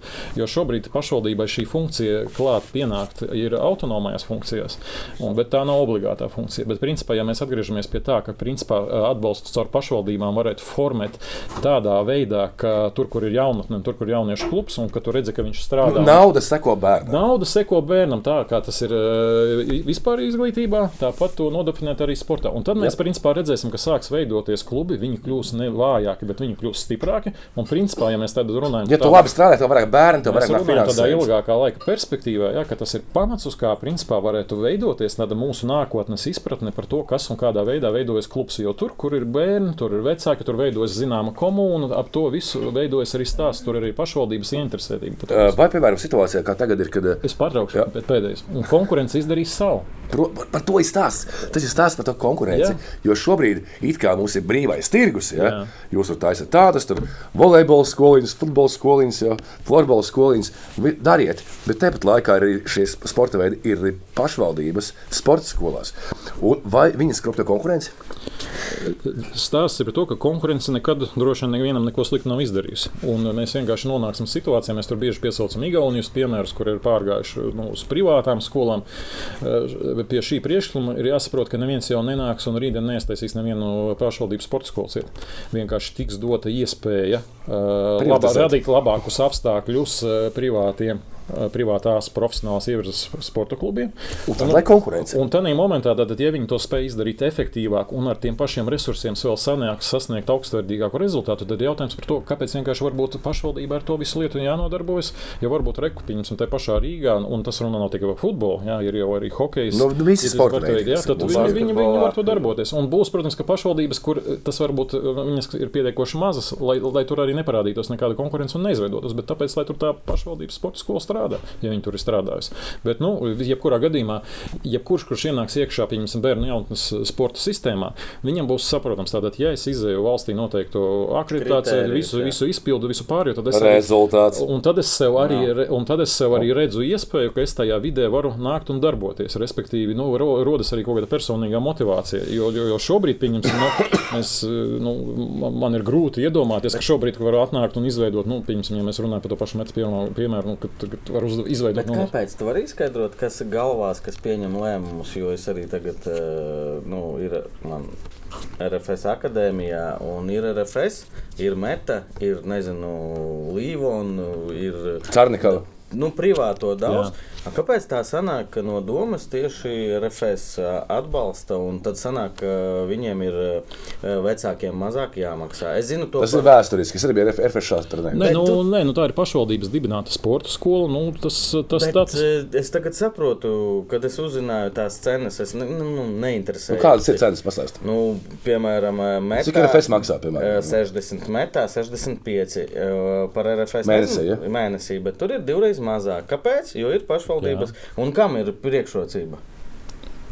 RFS Jā, Nē, nu, mēs, Izdevās ar laukumu, piemēram. Nu, Ne, nu, mēs, mēs, mēs atkal atgriežamies pie tā jautājuma, par ko mēs sākām runāt. Kāds ir redzējums par to, kādā veidā tas nākotnē veidojas? Jo Jautājums, viens, kāpēc tā bija līdz šim? Tāpēc, tas ir, Nebija nu, privāto tas ir PSRS mantojums. Nē, nu, tas, tas ir, tas, ir, tas ir vēsturiskais mantojums. Vienkārši tā sistēma tāda, nu, tu jau nevari. Siguldas trasa. jā. Nu, tu nevari šodienas, šodienas situāciju izņemt un tagad nu, par viņu runāt, un tomēr nepatinot atpakaļ par to, kādā mēs esam mm, šādā es saprotu, situācijā nu, nonākuši. Jautājums ir, uz kurien mēs gribam Ko, aiziet. ko, ko tālāk darīt? Ir Sergejs Žaltas Jā. vidusskola. Jo, jo okay, ir, ir ir jau, vēl jau tas nākamais jautājums, par ko mēs runājam, par cilvēku personālu. Skaidrs, ka privātajos klubos eh, iespējas piesaistīt, ja mēs runājam arī par kvalitāti, tālāk, jā, viņu eh, iespējas ir daudz plašākas. Jo skaidrs, ka eh, pašvaldību dibinātās sporta skolas viņas darbojas daudz šaurākā nu, mērogā. Viņu iespējas piesaistīt tur, nezinu, fizioterapeitus, visu pārējo. Kāpēc? Nu, tāpēc, ka ir noteiktas nu, amatvietas, ko pašvaldība apmaksā. Nu, bet privātiem vispār neko pašvaldība neatmaksā. Tāpēc es arī saku, ka šobrīd tas formāts, uz ko būtu nu, manā izpratnē jāvirzās, jā, un tas ir tas, par ko mēs esam arī dažādos formātos ar dažādiem cilvēkiem pārunājuši šo jautājumu, ir par to, ka principā tādā nākotnes modelī vienkārši ir jāpaņem un jāpaskatās, kas ir tas labais, kas šobrīd ir nu, vērtējums futbolā, hokeja, ir nu, šie nu, privātās ievirzes, privātās skolas.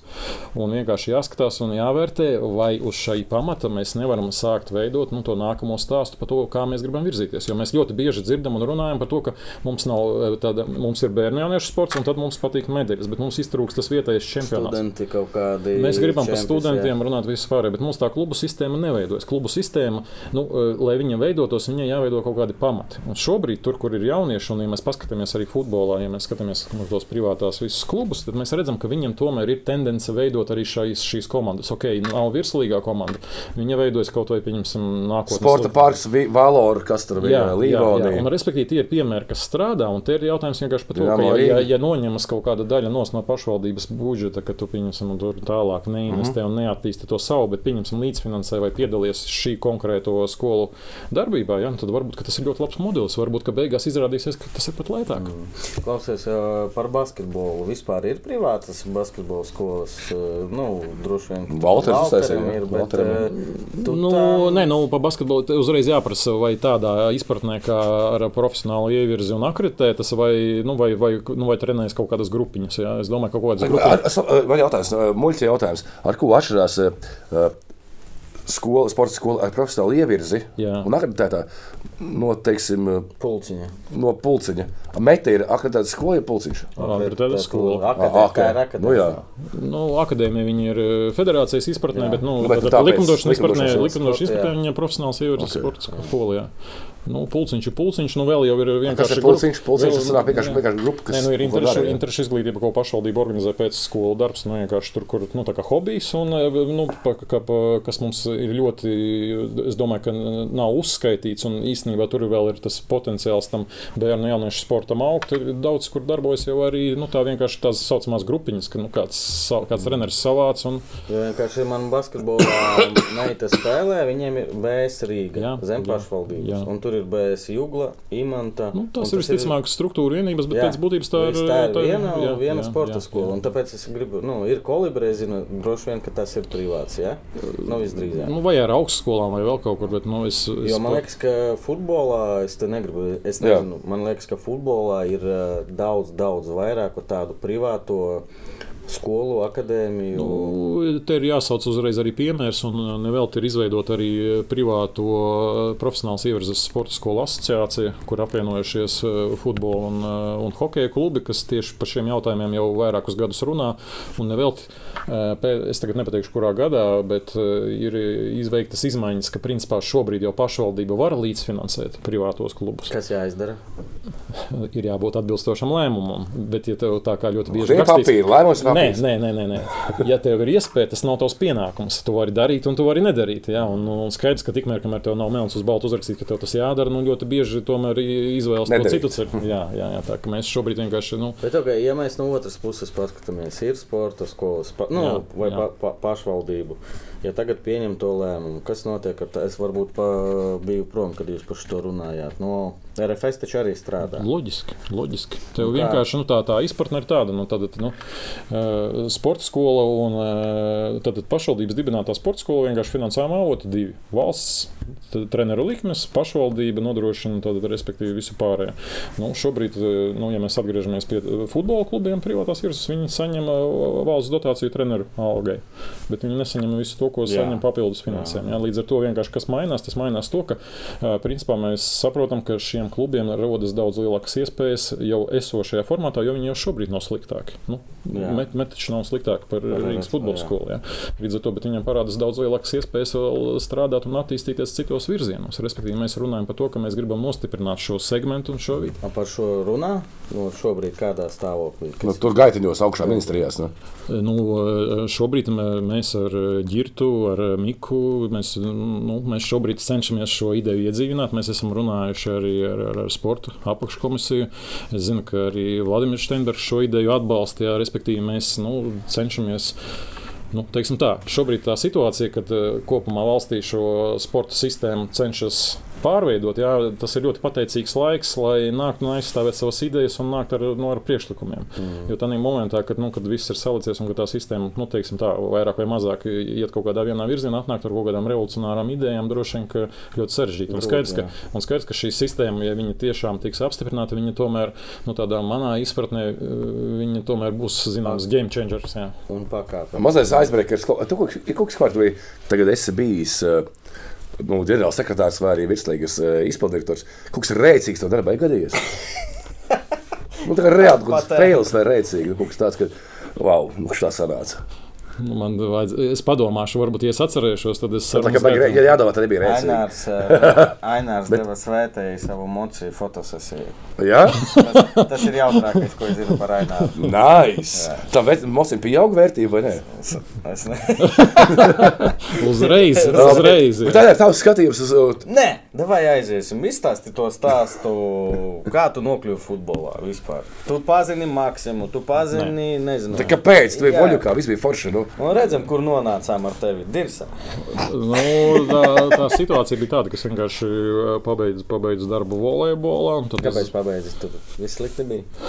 Nu, Apnika. eh, nu, tur bija visādi arī laiki. Interesanti. Tur arī bija, kā lai saka, eh, nu, kā to sauc, politikā sports vai, kā, vai politikas sports. Un, respektīvi, es saprotu, ka tādos apstākļos nu, strādāt ir diezgan sarežģīti. un Es domāju, ka ir jāmeklē un jāizmēģina kaut kas cits. Nu, šitos vārdus saka gandrīz katrs uh, cilvēks, kurš pastrādā Liepājā.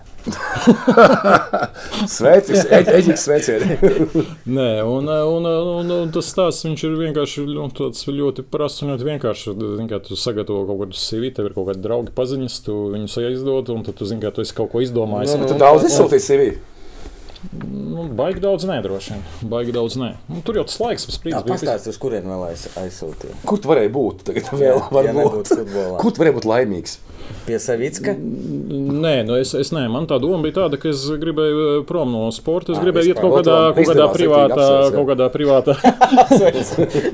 Man tā doma bija, ka es varētu nonākt nu, kaut kādā privātā biznesā, jo pat cik nu, iepriekš kaut kad jau esmu strādājis. Es, nu, tad netika pieminēta banka, bet es arī strādāju arī privātā kompānijā, kas bija tas periods, kad es uh, tur 6, 7, 8 gadā, kad es apvienoju kopā ar volejbolu.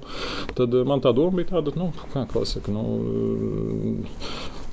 Pašvērtējums ir normāls, jā, ka, kāpēc gan nepamēģināt kaut ko. Bet eh, tas, tas CV kaut kādā veidā nonāca līdz, eh, līdz Maksima Galdam, jo viņš bija tikko laikam apstiprināts par eh, jauno Tas prezidentu. pirmais jautājums, kas ir Latvijas virslīga? Kas ir futbols? Sports.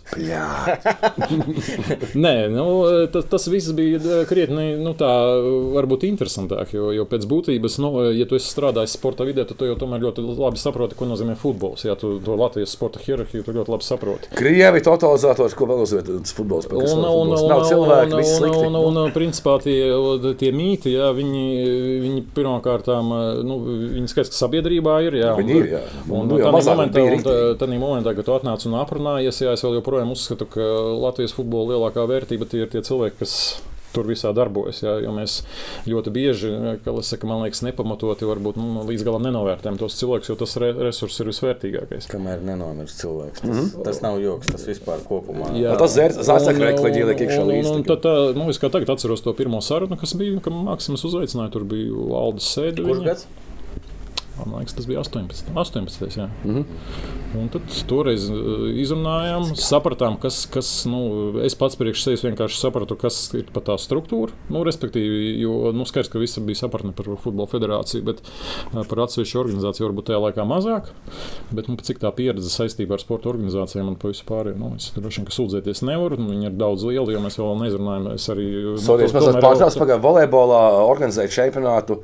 Federācija. Federācija. Okay. Nu, principā vienīgais sporta veids, kur ir organizācija, tas ir futbols. Tas ir labi vai slikti? Es domāju, ka tas ir labi. Jo, jo? nu, šobrīd tev ir iespēja radīt atsevišķu produktu. Ir jāatgriežas pie tā, kāds bija nu, pirms sākumos tas mērķis, kāpēc to organizāciju izveidoja. Es pavadīju arī daudz laika arī runājot arī, nu, ar dibinātājiem, jā, kas savulaik dibinātāji. Jānis Mežģītis, uh, RFS direktors. Uh, Uzsvars, ne?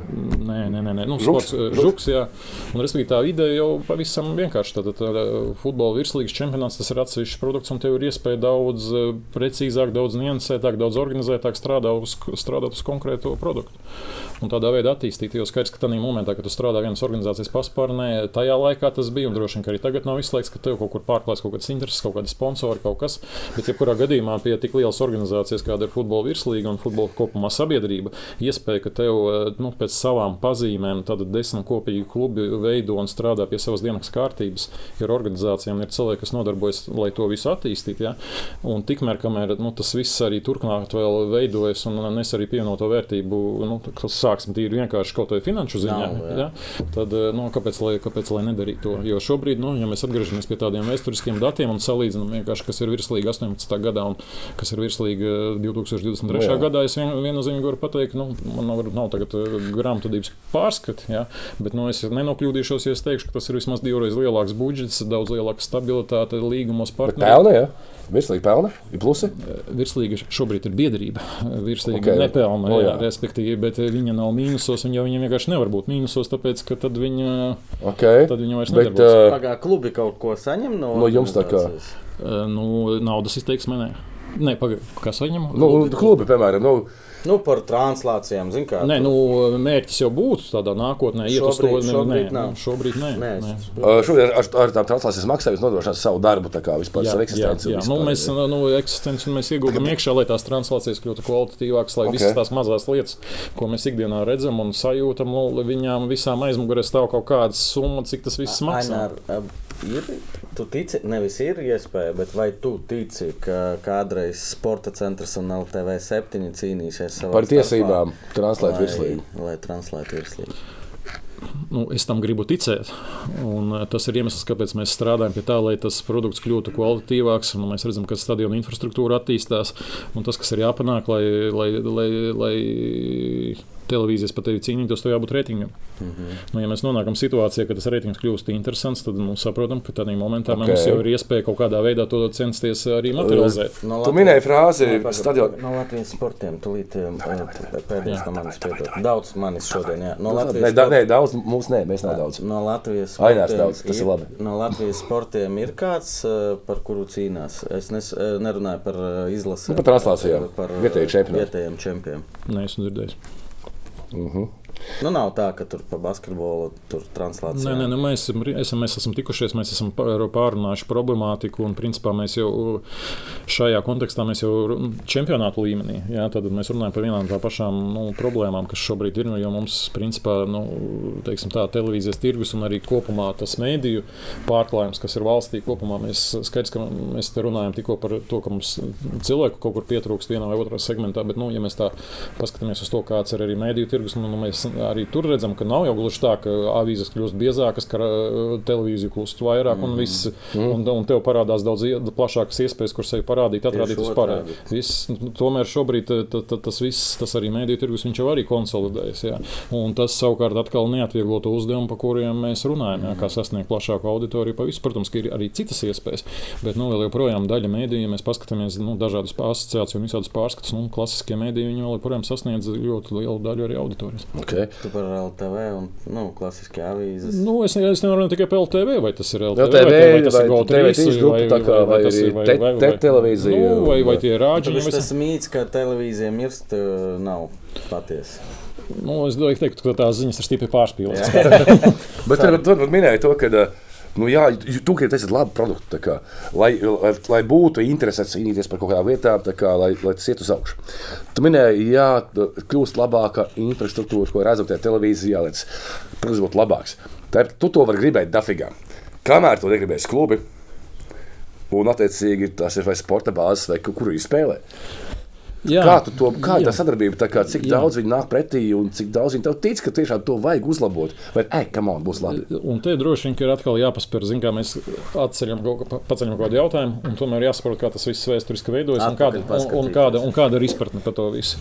Uh, fundamentālais jautājums ir par to, kam ir būtu vai nebūtu jābūt infrastruktūrai. Mēs, protams, ka to varam klubu kontekstā runāt, bet mums šis jautājums ļoti bieži arī parādās federācijas kontekstā. Es varu pateikt savu viedokli. Manā izpratnē infrastruktūras jautājums tas tomēr ir valsts un pašvaldību jautājums. Es uzskatu, ka ir jābūt. Uztaisām vietu, kur? Es uzskatu, ka jārada vide, lai tālāk cilvēki, kas nāk ar savu aktīvu, ar savu ieguldījumu vispār. Jo man ir grūti iedomāties, ka pie visas tās problemātikas, ar ko mēs uzskaitījām, ja, ka tāds normālos apstākļos, ka tas vēl būtu kluba pienākums izveidot. Skaties, es uh, trīs mēnešus komentēju Polijas ekstraklasi. Jā. Man visu laiku likās, ok, tur, kur es pavadīju piecas spēles, klasiskās, tur ir privā, Polija. privātais, kam palīdzēja Jā. pašvaldība, Jā. jo tur divi klubi tajā pilsētā, un abiem uzcēla nu, nenormāli skaistus, uh, vienam Jā. lielāku, vienam mazāku stadionu, bet tu uh, sāc komentēt, ko tu dari, tur gatavojies stadionu nosaukumu. Nu, jāpasaka. Jā. Stadions Mīski. Nu, Mīski tas ir pilsētas, pilsētas stadions, pilsētas, pilsēta. Pat Lēham Poznaņa tur tas milzīgais pilsētas stadions. Jā. Nu, viņu tāpat nenosauca par pilsētas stadionu. Nu, Jā. un, uh, man visu laiku- man visu laiku likās, ka turpat, kur ir uh, skatītāji, kur ir uh, nu, biznesa, ka tur paši var uzcelt. Tur neceļ paši cilvēki. Nē, nu varbūt tāpēc, ka tur ir biznesa kaut kādā veidā, un viņi uzbūvē Bet tā kā. pašvaldība jau neko ne, neiegūst no tā, ka viņi tirgo. Viņi vienkārši rada to, ko Tas ir līdzīgi kā about parāda. it. Viņiem ir, viņiem ir nu. prieks, ka Poznaņā ir super stadions, ka tālāk jūs darbojaties. tu esi mākslinieks arī dažreiz. Nu, reizēm, jā. Jā. Nu, tad iedomājieties, ka Es zīmēju, baigi Nu, tad tagad sūdīgi. iedomājieties, es negribu nosaukt, kuru tur ir režisori, bet viņam pateikt, klausies, tu gribi uz, režisēt savas izrādes, tev jāuzbūvē teātris. un tad tu tur varēsi ar trupu nākt, un, un, tad, un tad tu varēsi nākt un rādīt teātri. Nu, bet mēs taču saprotam, ka tas kaut kā neizklausās normāli. Ne? Nu, sporta kontekstā ir saprotams, ka ir kaut kādām būvēm, nu, ir iespēja varbūt viņas komercializēt un tālāk, lai viņas strādā. Bet ir noteikti, ka liela daļa infrastruktūras, ko tādā veidā noformulēt, nu, ir ļoti sarežģīta. Vai kaut kāda privāta, privātā pašvaldība partnerība kaut kāda? tāpēc, tāpēc vienkārši pasakot, A, pasakot, uzreiz jāpasaka B, tās lietas un to, to, to ieguldījumu, ko šobrīd veido klubi. Nu, respektīvi, ja- ja mēs to nākam, pienākam pie atziņas, ka principā normālos apstākļos tomēr būtu jābūt infrastruktūrai, kur tu vari nākt iekšā un darboties, tad tas eh, ir vienkārši nenovērtējams. Jo atgriežamies, mēs ļoti bieži tur runājam kaut kādos ilgos laika periodos. Mēs zinām, ka mums mainās cilvēki, mēs tur atnākam, mums ir viens sporta ministrs, nu, ne ministrs vai kas tur atbildīgais. Tad mums ir otrs. Ministri mainās, ierēģi paliek. Jā, ministri mainās, ierēģi paliek, bet, ja pagājušajā gadā kaut kādā augustā LNK parkā grieza lentīti, tur bija vieni ministri, tagad jau ir citi ministri. LNK stāv. LNK stāv, un tur jau pat eh, četri apgaismas stabi stāv. Jā. Jā. Tieši tas pats notiek tagad eh, paralēli. Nu, eh, meta kārto savu infrastruktūru. Cerams, izdosies, Eh, reāli ceru. Respektīvi, nu, gan, gan, gan preses namā, nu, eh, ja es nemaldos, tad laikam runa bija par nākamā gada nu, rudeni.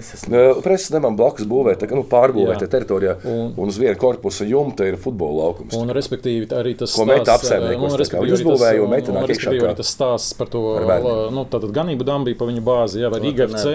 Rīga FC, ko ieguldīja. Tas viss ir, nu, tas, nu, to nevar pārvērtēt. Jā, tad, līdz ar to vienkārši šeit ir jārunā par to, ka tas ir pirmkārt jānovērtē. Tas ir Bet jāpasaka. kāpēc valstī jāatbalsta tas? tas eh, Jums tas pīcis ir, come on, būvēt paši nekā. Un te ir viena fundamentāla problēma. Un te ir viena fundamentāla problēma. Tas ir, eh, tas ir pirmkārt mūsu pašu izpratnes jautājums, kādā veidā mēs uz to skatāmies. Un otrām kārtām, tad, kad mēs paši sev to esam nodefinējuši, tas ir kas, kādā veidā mēs to pozicionējam attiecībā pret, nu, droši vien, ka angliski tas vārds saucas stakeholders, nu, latviski es nezinu, kā viņam tulkojuma nav, droši vien, ka mūsu sadarbības partneriem. Kaut kādā veidā ir nepareizi radies priekšstats vai mīts, ja, ka, ka, nu, ka mums tagad aizmugurē ir tās lielās organizācijas mm. un ka viņas atrisinās visus mūsu pašu problēmas. Es domāju, ka šajos jautājumos būtu jābūt nedaudz pieticīgākiem un krietni prasīgākiem. Un tādā momentā man es šeit nevaru šodien nesot nepieminēt, tad, kad es biju vēl volejbola federācijā, kad es zinu, ka tagad atceros sēdēju vienā sapulcē e, izglītības zinātnes ministrijā. Gads tas varētu būt kaut kāds, nezinu, negribu samelot 14 vai 15, bet tas bija tas laiks, kad e, bija tā, tie visi stāsti par Baronu ielas stadionu, par Daugos mm. stadionu, par visu pārējo. Bija prezentācija, pirmie stāsti par to, kāds izskatīsies Daugos stadions un cik ļoti labi. Es domāju, ka jūs. Tā līngas tikai bija tāda. Tā, tā. Līgas nebija, nē, tur bija kā pirmajos projektos bija vispār tikai viena tribīna. Jo tajā laikā, nu, jūs taču zinat, kā Daugos stadionu, kāpēc viņš ir tāds, kāds viņš ir. Nu, Deju svētkiem. Nē, pēc būtības tad, tad viņš ir atjaunots pie Eiropas Savienības eh, projekta. Kā kultūras būve, kā es saprotu. Nevis kā kultūras būve, bet eh, degradēta teritoriju, nu, nu, respektīvi tur kaut kāda attīstīšana vai, nu, respektīvi sakārtošana. Joprojām degradēta. Jā, bet, bet tā būtība bija tāda, tas, ko es gribēju pateikt, tur vienkārši tas ir atsevišķs sarunas temats. Jā, nu, bet, no, no, mums ir laiks. bet bet tās, tas stāsts ir par to. Es kā tagad vienkārši atceros, jo es tad Jānis Mežetsku vienkārši pazinu kā futbola federācijas ģenerāls sekretārs. Mums bija sapulcs, mēs arī bijām kā piecināta organizācija, un tur atnāk tur tie auditori. Nu, viņi tur viss nopietni stāsta. To jūs kādreiz viņam varat paši uzprasīt. Ja viņš, viņš, ja viņš atcerās, viņš arī apliecinās to. Un, un viņš saka, viņš klausa. Viņš tā ilgi ciešās, ciešās tur tās prezentācijas, un viņš saka, klausieties, bet ir viens lūgums. Tā auditorija tur nesaprot. Viņi saka, nomainiet lūdzu savos tekstos, ka jūs būvēsiet nevis stadionu, bet jūs būvēsiet pusstadionu. Viņi tur ir liels acis. Viņi nesaprot, ko, ko nozīmē pusstadions. Viņi saka, ka tas, ko jūs taisaties būvēt, tas nav stadions. Respektīvi, nu, tas nav stadions tādā izpratnē, nu, kā tur, nu, tur protams, ka tur bija pārunas un tur, kā visi tie skaidrojumi, bet, bet tas stāsts ir par to, ka tā izpratne, sapratne, viņa, viņa jau sapratne, viņa jau viņa kopš tiem laikiem nebija. Un es domāju, ka tas arī bija galvenais iemesls, kas toreiz traucēja arī, zinu, ka Gunteram Indriksonam tur droši vien arī savas nu, versijas, un mēs ar viņu šeit esam arī runājuši, bet beigu beigās mēs tomēr nonākam pie tā, ka mēs šobrīd esam nodzīvojuši cik jau nu, septiņi gadi. Un nekas nav. Un, un jautājums ir vēl, vēl, vēl, vēl joprojām tas pats, bet mēs saprotam, ka ja tajā laikā pašvaldība vai valsts būtu pielikusi savu roku reāli, nu, tad mēs saprotam, ka tajā barona ielā tas stadions varēja būt. Bet kāpēc? Nu, es nevaru saprast, nu, kas nu, tur tur cilvēki iet par deputātiem, prezidentiem, ministru prezidentiem, nezinu, ierēģiem. Nu, redz, nu, acīm redzot, tā sapratne līdz tiem cilvēkiem vienkārši nenonāk. Un te mēs atgriežamies pie tā jautājuma par to, nu, kādā veidā, kas ir tas, par ko mēs komunicējam. Ja? Jo, ja, ja, ja mēs komunicējam par to, ka mums viss kārtībā, mums uz, uzbūvēs. Jā. Tad droši vien tas varbūt līdz galam nu, rada nepareizu priekšstatu arī citiem cilvēkiem. Es Kristien, vienkārši Kristians no Brāzes man ir norādījis, ka nafīgā mums kaut kas jāpalīdz, jāboja jums. Jums ir 15 miljonu budžets. Jā, jā. Es būvēšu labāk. Jā. Tās nav svarīgi. Uzbūvēšu labāk kādam, kādam lokšaušanas stendus kaut kādus, jo viņiem taču nav naudas. Jā. Nu, Tāpēc tas jautājums par infrastruktūru ir fundamentāls. Nu, lai kā mēs nerunātu, vienalga par kuru sporta veidu mēs nerunāsim, ja jeb, jebkura sporta veida attīstība nav iespējama un nav sakārtotas pamatlietas. Nu, tāpēc mēs gribam vai negribam, mums ir vienmēr jārunā un jāsalīdzinās ar vieniem ar otriem sporta veidiem, lai saprastu, kādā vidē mēs esam, kādā veidā ir nu, iespēja mums apkalpot mūsu sporta veidu, strādāt, kādā vidē var atnākt līdzjutēji skatīties. Jo, lai kā nebūtu, risinājums ja mēs, kāds? Ja, ja, lai... Risinājums kāds, ko darām, ir slikti, ko darām. Un uh, tu saki pamatlietas. Es uzskatu, ka uh, tas, ka mums nav nav nacionālā stadiona, tas nav, tāpat nav tikai futbola problēma, tā ir valsts problēma, tā ir vizītkarte, tas ir, nu, tas jā. ir kauns. Nu, tā, nu, jā, tas nav kauns, tas ir purvs. Nu, jā, bet, bet, bet, bet, nu, bet, ja tev atbrauc UEFA, es aizmirsu, kas bija prezidents vai kas toreiz tā tikšanās, ka bija un ka tev sarunāta tikšanās un tev neatnāk. Un, ministru kabineta vadītāja. Jā, Infantino bija. Nu, ka, jā, es, es nezinu, kurš, kurš no viņiem bija, bet es zinu, ka vienreiz bija tas stāsts, ka viņš atlidoja no aizlidojumu. Nu, jā, nu, tad mēs, mēs vienkārši atgriežamies pie to, ka tam jautājumam nu, viņš, viņš ir fundamentāls. Viņš ir fundamentāls, un kamēr nu, mēs paši par to nu, nesāksim aktīvāk komunicēt, tāpēc ir jānovērtē un jāsaka ļoti liels paldies par to, kas viss, kas notiek, kas notiek privātā sfērā. Bet tāpat laikā mēs atceramies, ka mums virslīgas čempionāts geogrāfiski tomēr nu, nav tikai un nekoncentrējas tikai ap Rīgu. Viņš mm. ir daudz plašāks plašāks. Mēs gribam. Nu, medaļas arī koncentrēties tikai. Nu, šogad. Nu, Rīga, Valmiera. Un mēs gribam, lai arī Latvijā tā infrastruktūra būtu, lai arī Daugopilī viņa būtu laba. Valmierā, ja? jā, lai, lai, lai Valmierā, lai tas stadions arī būtu līdz tādam līmenim, ka, ka Eiropas Arī kausa mēs to varam spēlēt nevis tikai izņēmuma kārtā šogad, tāpēc, ka Daugos stadions bija remontā, bet tāpēc, ka nu, vienkārši viņš ir tāds, lai tur varētu Kad spēlēt. būs mums stadions? Kāda domā? Tu to vecīti nopietni uztver, to, ko tur piesolīti salāvot tas To arābu investoru. Nu, man nebija iespēja ar viņu tikties. eh, Es nevaru viņu novērtēt. Es tiešām ticu, ka tādā pārskatāmā nākotnē, ja to visu Nu, tā saliek, Pārskatām, es redzu, desmit gadus. Es redzu. Es es, es dzirdējis versiju, ka ar, ar to arābu vecīti vienkārši uh, Infantino vāc savu balsu nākamajā vēlēšanas. Atnāk, atbrauc, atbrauc, pateic, sveiki, sveiki, būs stadions. es- Mēs Latviju nobalsojam loģiski par Es, šo te. es un- šo nevarēšu nokomentēt, jo es, Varbūt, tas ir baumas jo es to vienkārši nezinu. eh, Bet tas, ko es zinu, un tas, par ko būtu jārunā, tas ir būtiska loma pašvaldībai un valsts šī, šāda infrastruktūras objekta veidošanā. Vai tas ir kaut kādā privātā partnerībā ar investoru vai bez investoru, tas jau tālāk jau ir stāsts par to, kādā veidā tas projekts tiek attīstīts, kā viņš tiek vadīts un pats galvenais, kā viņš pēc tam tiks apsaimniekots. Jo mēs ļoti bieži runājam par sporta bāzēm, un mums Latvijā ir ļoti bieži un daudz bijuši piemēri, kad mums nāk arhitekti sazīmē un daudz un dažādus projektus. Un tad realitātē nu, visi saprot, ka mums tur būs baigā būve un viss būs baigi forši. Tikai jautājums, kā mēs viņu piepildīsim, kā mēs Kas tur nodrošināsim. dzīvos? Jā. Kā, kas tur būs dzīvos, kā tur to visu apsaimniekos. Un tad, un tad uh, sākas tas birokrātiskais moments, ka tas viss iestiek kaut kur, un kaut kur kaut kas notiek, kaut kas nenotiek. Līdz ar to uh, tas sausais atlikums šobrīd par Latvijas sporta infrastruktūras plānu, nu, tādā plašākā kontekstā. Ja? Mēs atgriežamies, ka uh, pagaidām laikam no tādas nu, plašāka plāna. Nu, man grūti kaut ko nosaukt un kā labāku piemēru nosaukt, ka tas ir savulaik uzsākta Olimpisko centra programma, kas tika realizēta. un No, kā pa- visās Jā, pilsētās ir Visos, olimpiskie jā, bet, Un tu- tur nav kam spēlēt. Un, nav tu, kam- un, un saprotu, ka ir pagājis kāds gads, nu kā nav kam spēlēt. Ir jau. Nu, viņi, viņi, Nu, lielajās viņi, pilsētās ir viņi, tikai viņi, viņi, tie olimpiskie centri pirmkārt ir izveidoti. Un jāsaprot, vai tas olimpiskais centrs visās vietās, vai viņš var sevi atpelnīt.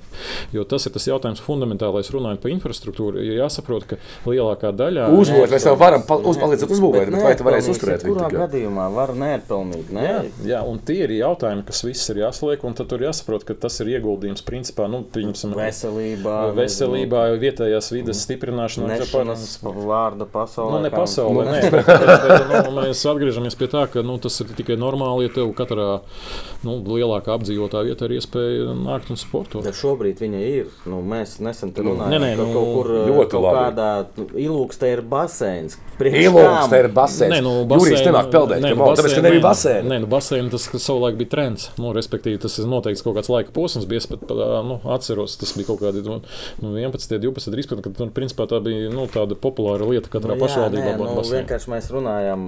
Petrovs stāstīja, ka bija ir zāle kaut kur, kur nu, kaut kādā vietā. Es neatceros. Bet tur. arī basēns nav slikti. Nu, Nē, tas ir- nē, tas ir- tas ir nu, pamats- pamats, jā, sīkiem jā, ir jā. pamats. Bet ir basēni ilūkstē, ir zāle, nezinu, aiviekstē vai kur tā ir upē. Nu, Vai ai- nav upē. nacionālā stadiona. Es par Nacionāla, to. nacionālais stadions ir tikai viens no elementiem, ja mēs runājam par tādu sporta pārvaldību. Vizītkarte. Nu, arī tam jau apkārt, tas arī ir apkārt, vēl laukums, Stadiona infra, infrastruktūra, tas ir stadions un infrastruktūra ir Vēl viens no zāles, elementiem. viss, Ja mēs viss, runājam par to, kādā veidā mēs pēc pieciem, desmit gadiem redzam Latvijā sporta dzīvi, vispār nav, ko viņa veidojas, infrastruktūra ir viens no elementiem. Tur jau ir nākošie. galvenajiem. Nu, kā viņš veidojas, jo un, jau, nu, mums jau to jautājumu lokus nu, viņš ir diezgan plašs, un tad, nu, tur ir jādod, tur principā, nu, saka, jātur īkšķi, lai, nu, lai Nu, es šobrīd, lai šobrīd nu, tā, tiek veidoti šie, šīs jaunās iestrādes, visi likumi, departamenti tiek veidoti un viss, ja, lai izdodas, nu, kā lai saka, nu, tikt uz, uz, uz jaunām sliedēm. Nu, es nevaru būt labs hokejs, ja man nav ledus. Nu. Dauga vieta, daudz cīnīties. Nu, ne, vēl viena, pirms raidījuma runājām Maināri, par to, ka uh, tu Petro pieminēji, ka bija skatījies tā kā, un uh, tur bija sarunas tevis par to segumu, nu, tālāk futbolam. Nu, kas segums, tu minēji faktu, ka volejbola federācija, laikam, tevā laikā, kad bija nopirkusi nu, to labo segumu, Jā, jā. un vienkārši viņi vadīja apkārt pa visu Latviju. Nu, ne visu Latviju, bet kur Nu, vajadzēja. tas ir vairāk, ja mēs runājam par to, kādā veidā eh, tas sports izskatās. Jo, Jā. jo savulaik, eh, kad bija, kas tas bija pa čempionātu, tā bija, kad bija arēnā Rīga, tad uh, tur arī bija čempionu līgas fināls. Mm. Jā, tur bija atvērts šis segums. Un, Un, ja es tā vienkārši velku paralēlus ar to pašu volejbolu, nu, ja mēs skatāmies kā pa televīzijas produktu un arī klātienē esot kā līdzutēm, nu, tas ir pavisam savādāks skats. Un, ja mēs iedomājamies, nu, šobrīd, pieņemsim, tagad Champions League, kur viņi būs tagad Jelgavā, laikam, jā. Jā. Nu, tad mēs iedomājamies, ka tur šobrīd tā zāle, tur tās tā, forša zāle, viss kārtībā, bet, nu, tur, bet, bet tur tās līnijas nu, ir baigi daudz. Nu, miljons, tie volejboli, visi volejbols. Nu, eh, Jā, un ja tu ieliec iekšā to sintētisko grīdas segumu, tad tas iedod pavisam citu. Tā nebūs tagad. Nu, cik es zinu, tad laikam federācija nav īpašumā, ja kaut kas nav pamainījies. Bet, nu, No manā, Rīgā FC. nu, Nopirkt var. Mm. Aināra rubrika PPC čata jautājumiem. Ir, jā. Kaspars no Daugopils jautā, kāds eh, tev ir labākais sasniegums tālēkšanā? Es nezinu, es ceru, ka tas ir kaut kāds insight joks. Tu esi tas, ir, tas ir insēļu joks. Es, es Nu, viegli, nu, stāst. Nē, nē, nē, nē, nē, nē, es, es, es viegli lētīju, kā laikam vienreiz sacensībās esmu piedalījies skolas laikā kaut kādā 6. vai 7. klasē, ilūkstē, bet man liekas, ka es toreiz tālumā neskrēju, man liekas, ka es skrēju īsās distances, tur Tas 30. Kaspars sadirs mums kaut ko šeit labi piedodiet. Nu, tālēkšanā, es domāju, nu, kaut kāds vēl tālēkšanā. Klausies, eh, davai par virslīgu parunāsim. eh, Maķenīt, jā. Mazliet, jau ilgi runājam. Eh, Tu priecīgs par sezonu kopumā? Ļoti. Eh, Kādas eh, bija lielākās vilšanās tev šogad? Mēs vakar, nevis vakar, mēs filmējām ceturtdienu, otrdienu ar Arkādiju. Nezinu, redzēju, neredzēju par virslīgas finišu runājām. Un es biju pārsteigts, ka tikai divas spēles pārceltas bija. Tas nav rekords tavā laikā vismaz. Tas ir rekords, un īstenībā tas cipars varēja būt vēl mazāks. Jo, principā, jo pirmo spēli pārcēla eh, dēļ eh, laikapstākļiem metē. Un, Un un otrā, Valmiera- Valmiera. un otrā Valmiera. Un Valmiera pārcēla, tāpēc, ka tur laikam ceturtdienā bija paredzēts lokus priekš konferences līgas, un spēli ielika otrdienā. Savukārt, lai no svētdienas pārcelt spēli uz sestdienu, nebija pieejams daļiņu stadions. Nu, respektīvi, ja tur būtu iespēja, ja tur nebūtu viegli atletikas sacensības, tad sestdienā jau varētu nospēlēt. tad Tā spēle principā nebūtu pārcelta. Un es varu, tā nav vilšanās. Nē, Tad- nē, es, eh, es pajautāju par vilšanos, Nē. es, kamēr tu domā. Nē, nē, un tas īstenībā nu, tas ir viens no mērķiem, tad, kad mēs stādām un veidojam kalendāru. Jo zinu, ka šis jautājums ļoti bieži un daudz apspriests. Ka, nu, viens no tiem mērķiem arī ir, jo ir skaidrs, ka klubi tie, kas piedalās Eiropas kausos, viņiem tas vasaras kalendārs ir nu, ļoti skaidrs un saprotams. Bet, nu, ja mēs atgriežamies pie tās pie mūsu pirmā gada pieredzes, un tā, mēs nu, apsēdāmies pie galda un mēģinājām saprast, kas ir par problēmu, tad viena no problēmām bija tāda, ka nu, bija samērā daudz šo pārcelto spēļu tieši Eiropas kausu laikā. Un tā bija viena no tādām neformālām nu, vienošanās, ka mēs vienojāmies cik mums ir iespēja, nu, izmantojot to formātu, kādā veidā mēs kal veidojam kalendāru, viņu nedaudz tā kā arī vadīt. Nu, ja tev ir vienkārši izloze, nu, tad tur skaidrs, ka tur vadīt kaut ko ir baigi grūti. Tev kā salozē, tā salozē. Bet tomēr, ja mēs pieturamies pie tā principa, kādā veidā mēs veidojam kalendāru, tad nu, tāda neformālā vienošanās ir par to, ka mēs ļoti stipri piedomājam pie tā, lai nepārcelt spēles. Savukārt veidojam kalendāru tā, lai klubi, kas piedalās Eiropas kausos, Savā starpā nespēlētu. nespēlē, jā. Jā, līdz ar to šo, uh -huh. tas nodrošina to, ka klubi, kas nepiedalās Eiropas kausos, viņiem neizkrīt spēles. Viņi vismaz reizi nedēļā to savu spēli dabū. Nu, ja nav kaut kāda ārkārtas gadījuma, kad tur tā spēle jāpārceļ. Bet eh, principā tiek nu, sabalansēts kalendārs un ir eh, mazāk pārcelto spēļu. Nu, šogad eh, nu, jāsaka tā, ka tās spēles bija divas, un, un viena no viņām varēja pilnīgi noteikti nebūt, ja būtu bijusi vienkārši elastīgāka situācija. Nu, un arī pirmo, man liekas, varēja spēlēt, jo te pašā laikā Valmērā, Valmērā spēlēja. Nu. Uh, šīs, Bet šis, no- šis gadījums ir izrunāts, un, un, un, un es domāju, ka tur būs veikti nepieciešamie visi. Jo, principā, jāsaka tā, ka šī gadījumā tas bija jautājums par sniegu. Tas tikpat labi vasarā, varbūt arī ar kaut kādiem citiem laikapstākļiem. Mums tur krusas ir bijušas, Karstums. negaisa ir bijuši. Nu, karstuma, karstuma neviens, nu, laikam, spēle nav atcēlis. No, ja Bet, būtu 3-9. Bet, nu, ja Es būtu, nevarētu 3-8 bet, ja būtu tāda krusta, kā viņa bija, ka viņi tur Turēs eh, mašīnas, tur logus sit ārā, nu, tad arī tas Okay. būtu viens no faktoriem. Jā. Un, principā, mēs vienkārši no katras gadījuma kaut ko mācāmies, un tāpat kā ar eh, apgaismojumu jautājumu, lietā. radās jaun, jaunas iestrādes reglamentā. Tā es domāju, ka arī šis jautājums būs vienkārši iemesls, lai tam pieiet. Un, Ainēr, uh, nu, tas ir stereotips, piemēram, no, no Krievijas armijā, kas saka, bija ģedapšana un tam līdzīgi. Ja? Uh, jums ir arī jaunies ienācis jūsu klubiņā slēgtajā, ja? kuriem visiem ir smukie tie beņķīši tur jūsu oficiālā un tā. Uh, grobiņa virslīgā. Uh, kad jūs sāksiet viņus paklāt kaut kādā veidā, un būs, tur būs tāds, ka atnāk viņa vadība pie jums uz oficiālu un jūs tā, tā, salagas. Tagad jums vajag to, to, to. to. Nē, tas viņa ies pie LFF. Un tur Dons sēž tāds pretī. Neies, gan nedarīsim. Gan. Nē, nu, Kā tur- tas notiek? Tā jaunās komandas ie- ie- nu- ieviešana, iniciācija virslīgā. Nu, ie- ieviešana pirmkārt sākas ar to, ka mēs principā, jau tādā momentā, kad ir apstiprināts, mēs sazināmies un informējam par to tālāko gaitu. Vienkārši e, kā mēs sākam- Sveicināti, apsveicam jūs, tiektos futbolā. Jā, es jau zvanīju, jā, es jau apsveicu. Eh, Painteresējos par infrastruktūru, kur plāno, jo tas mums ļoti svarīgi. Jo, nu, mēs sākam darbu pie kalendāra veidošanas. Jā, jā. Un mums tas ir svarīgi, jo, ja vienā pilsētā, vienā infrastruktūrā mājos divi klubi, tad skaidrs, ka mums, Kalendārs jāveido. mums ir vienkārši par to jāpiedomā klāt. Un, un tad tādā momentā tā ir pirmā sadaļa. Tā otrā sadaļa, tas, par ko droši vien es mazāk varēšu nokomentēt, jo tas ir attiecības ar Futbola federāciju, tas ir viss, kas saistās ar klubu licencēšanu, akreditāciju. Un paralēli process, ko mēs pārunājam saistībā ar savu komercreglamentu, lai klubs, kas ienāk iekšā, viņš pilnībā nu, izpildītu visas tās saistības, kas mums ir gan pret ārējiem partneriem, gan pret iekšējiem partneriem un attiecībā arī pret visiem kolektīviem. Ja.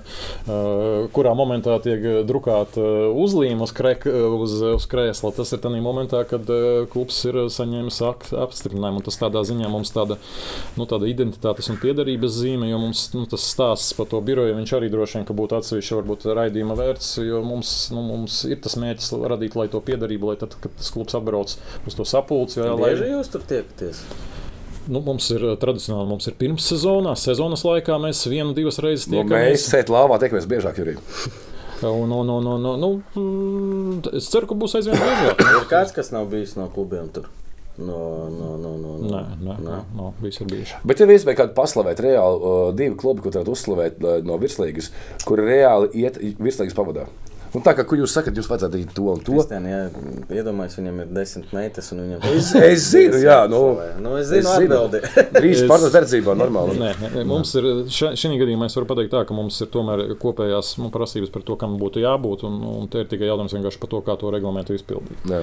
Par to, ko klubs dara un dara vairāk, jā, to es domāju, ka mēs visi varam redzēt, un, un to mēs varam arī novērtēt, un to novērtēja arī, nu, arī skatītājiem līdzekļi. Tā ka šī gadījumā tas ir ļoti forši. Viss tas, kas notiek vairāk un labāk, tas ir Taisnība, ka tur sākumos, es nezinu, vai tu jau biji es, eh, dzirdējis stāstu, kad eh, parādījās, ka bāneri tur jābūt, nu, virslīgi. Nu, elementārām lietām kaut Un, Ka kādām. teica, nafik mums vajag, nu, ka klubi tur pašos eh, pirmsākumos. Es nezinu, kā bija pirmsākumā. Tas Bet, bet tādā momentā, kad mēs bijām, tad jau tomēr zināms iestrādes pie tā, kā, nu, kāds tas ir pamat uh, produkts. Par to jau bija viss.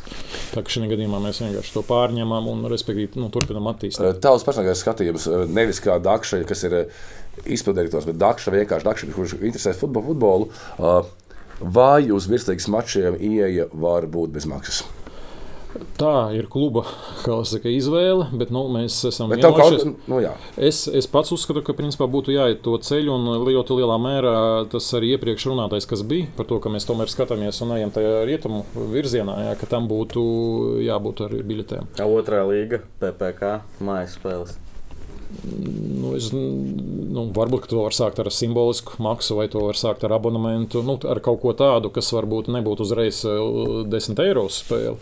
Bet, Kā eh, 10 eiro? Mums bija tāds plāns. Jā, Bet, bet, bet, bet, bet, bet nu, iesākt ar kaut ko jau tas nav slikti, jo mēs atgriežamies, lai, ka tas arī var būt viens no ieņēmumiem, kas beigās summāri, ja tu saliksi sezonas beigās, kas tev veidos kaut kādu budžeta ieņēmumu. Un, principā, nu, ja, ja tu neuzliec pa pašmērķi uzreiz, tur, nu, kā saka, baigo biznesu taisīt uz to, bet, nu, lai tu, kļa, nu, Nu, Tīri pieradināt- tā kā radināt vai radināt vai ko. tā, nu. ka tas ir kā kļūst par normu, tad eh, kāpēc gan ne? Bet eh, skaties, eh, jau palielīšos. Mēs apsteidzām divus virslīgas klubus vidēji apmeklētībā. Uh, bet mēs uzliekam tur divus eiro, piemēram. Un, Nu, tiešām simboliski Nu, taču nokritīs. Tiešām taču būs, tu taču zini mūsu. Ir tikai tie divi eiro, bet tāpat laikā, nu, To es tev nevaru pateikt, jo. Nu kā, nu tu strādā tur visu laiku, tu zini, kā tas ir. Nē, nu, nu tāpat laikā atnāk tie 200 cilvēki par 2 eiro. E- Ekonomikas teorija jau saka, paliek, ko darīt. teorija jau saka par to, ka ir kaut kāda, ekono, ka ir kaut kāda produktu grupa, kas ir elastīga un kas neelastīga attiecībā uz cenu izmaiņām. Var jau būt, ka jūsu skatītājs, varbūt, ka jūsu skatītājs ir ļoti lojāls un, un viņš to no vienkārši novērtēs, ka tas ir viņa ieguldījums jūsu kopējā kluba tapšanā. Mm -hmm. To jau droši vien, ka jūs labāk zināt, kas ir jūsu skatītājs un Nezinām. cik viņš Nezinām, lieta. Nu, Klausies eh, par 12 komandām, Baumas. Es redzēju tavu interviju, ne visi Jā. droši vien eh, redzēju. Arī vakar es vēl dzirdēju eh, visādas baumas. Nu, pasaki man, lūdzu, nomierini, ka nebūs. Nu, nevajag neko mainīt. Es, Kāds 12 komandas? Es domāju, ka Black Spots? 10 ir. Es tiešām godīgi ceru, ka es kļūdos, bet es domāju, ka 5, 6 gadu laikā mēs varētu arī atgriezties atkal pie 8, jo nav mums tik stabila visa tā situācija un vajadzētu stabilizēt tās 10. Un tas jau būtu prieks, vai ne? Ne, nu, runājot par komandām, man, man tās baumas arī paši nedaudz pārsteidza. Jo es mm. izņemot kaut kur stadionu, stadionu ar skatītājiem, nekur citur to dzirdējis nebiju. Bet es šobrīd, ja man prasa, kā manu viedokli personīgo, tad es uzskatu, ka skaidrs, ka šobrīd desmit klubu čempionāts ir optimāls un to nosaka vienkārši virkne faktoru. Un tie faktori pirmkārt ir tas, ka mēs principā nu, pirmo reizi nu, nonākam situācijā, ka mums ir nu, vairāk vai mazāk desmit stabili klubi un mums principā, tur divi, trīs kaut kādi. Un mums pirmā reize notiek pirmkārt rotācija, Normāli. jo, ja mēs atgriežamies pie tā, ka līgas paplašināšana sākās 18. un 19. gadā, mēs esam nonākuši. Vienmēr kāds krita ārā, un, un tad tur bija, tas, un tad tur pa vidu bija Covid un viss kaut kas, kas tik tur nebija pa vidu. Mēs šobrīd esam situācijā, ka mums šie desmit klubi ir un vairāk vai mazāk, nu, viņi šobrīd visi izskatās diezgan stabili. Līdz ar to mēs redzam, ka mums arī pienāk, pienāk no nākotnes līgas. Un tieši šajā situācijā, kad mums sāk veidoties tā konkurence, jau principā nu, viens no tām devīzēm, nu, tādiem lozungiem. lozungiem, kad mēs arī iekšienē runājam par to, kādā veidā to līgu veidot, ka tajā līgā gribētu iekļūt un no viņas negribētu izkrist ārā. Ja? Mēs šobrīd saprotam, ka arī ar daudziem citiem elementiem, par ko mēs esam runājuši, tur, vai tas ir solidaritāte, vai tas ir jauno spēlētāju atbalsta fonds, šīs, nu, šī, viņi kļūst pievilcīgāki. Un tam būtu savukārt jāveido nākamo soli, ka tieši nākotnes līga līgā būtu jāsāk veidoties vairāk klubiem, vai arī tiem, kuri klubi ir, lai, kuri viņiem, radi, gribēt, lai viņiem rastos šī motivācija, ka ienākt iekšā.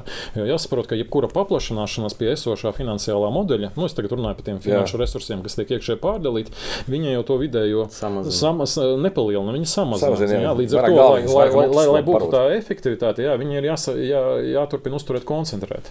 Un tad momentā, kad mēs redzam, ka mums tur otrā ešalonā, nu, nosacīti nākotnes līgā sāk veidoties konkurence, un mēs tiešām varbūt redzam, ka tur sāk parādīties stiprāka kluba, un arī mūsu tā iekšējā finansiālā rocība kļūst lielāka. Jo nu, atgriežamies pie tā paša solidaritātes finansējuma, kas ir bijis mūsu viens no tādiem. Priekš manis un pārējiem, kas nezina, kas ir tas solidaritāte, ko jūs runājat? Solidaritāte finansējums ir Eiropas klubu raitiesību ieņēmumu daļa, kas nonāk uz Latvijas klubiem jaunas sistēmas stiprināšanai un citiem Seriāls Tātad tas ir, tā, tas ir finanšu resursi, respektīvi, tātad mēs nu, droši vien, ka visi skatītāji zina. Visi to nezina. Parasti sezonas beigās zina, cik klubi saņem Eiropas kausos mm -hmm. finansējumu. Visi zina, cik ir liela, liela miljoni tiem, kas piedalās tur Champions League un grupu turnīros un vispār. Tad ir finansējuma daļa, kas no šīm raitiesībām tiek sadalīta priekš klubiem, kas nepiedalās Eiropas kausu grupu turnīros. Nu, respektīvi, ja, ja, ja, respektīvi, ja, ja RFS iekļuva iekšā pagājušajā grupu turnīrā, tad tas smiltenēkums atlases. Tad, nē, tad skaidrs, ka nākamajā ciklā RFS šo naudu no šī solidaritātes fonda nesaņems, jo viņi ir grupu turnīru dalībnieki okay. un savu finansējumu viņi ir saņēmuši caur turieni. Bet, respektīvi, tā ir daļa no kopējā finansējuma, tas ir raitiesību ieņēmumu, kas nonāk iekšā, lai stiprinātu šo visu sistēmu. Un šobrīd tā visa sistēma veidojas tādā veidā, ka Latvijas klubu. Tas ir humanās pacīs. Nē, tā, nav, nē nu, tā, tā, nu, tā ir sistēma, tā ir solidaritātes sistēma, lai stiprinātu pamatus tā skaitā. Un, un, un, strādā. Un, respektīvi, jo labāk Latvijas klubi startē, jo... jo finansējuma apjoms šobrīd kļūst lielāks. Un tā skaitā arī sākot ar nākamo ciklu tiek palielināts arī šis īpatsvars, eh, kas nonāk tieši priekš visiem klubiem. Es tagad nerunāju tikai par Latvijas, bet Eiropas līmenī priekš klubiem, kas nepiedalās Eiropas kausa grupu turnīros. Līdz ar to augot koeficientam no 4 līdz 7 procentiem no kopējā finansējuma un arī pie, pieaugot kopējām līguma vērtībām, ja, mēs varam sagaidīt, ka tuvākajos eh, gados, tad tuvākajā ciklā šim finansējumam, eh, nu, iespējams, protams, šobrīd uz galda vēl nav cipari, bet viņš vismaz dubultosies. Wow! Te, wow bet, bet kur ir saņemt? Tev, okay, RFS nošancē, vai Rīga nošancē, vai Valmiera pofīgi, vai kaut kā supernova nošancē Eiropas kausās. Ja? Jā. Un, uh, Labi, viņi paši naudu nedabūna, bet dabūna līga. Pārējie, cik, cik tālu dabūna, kur ir dabūna tikai virslīgas klubi?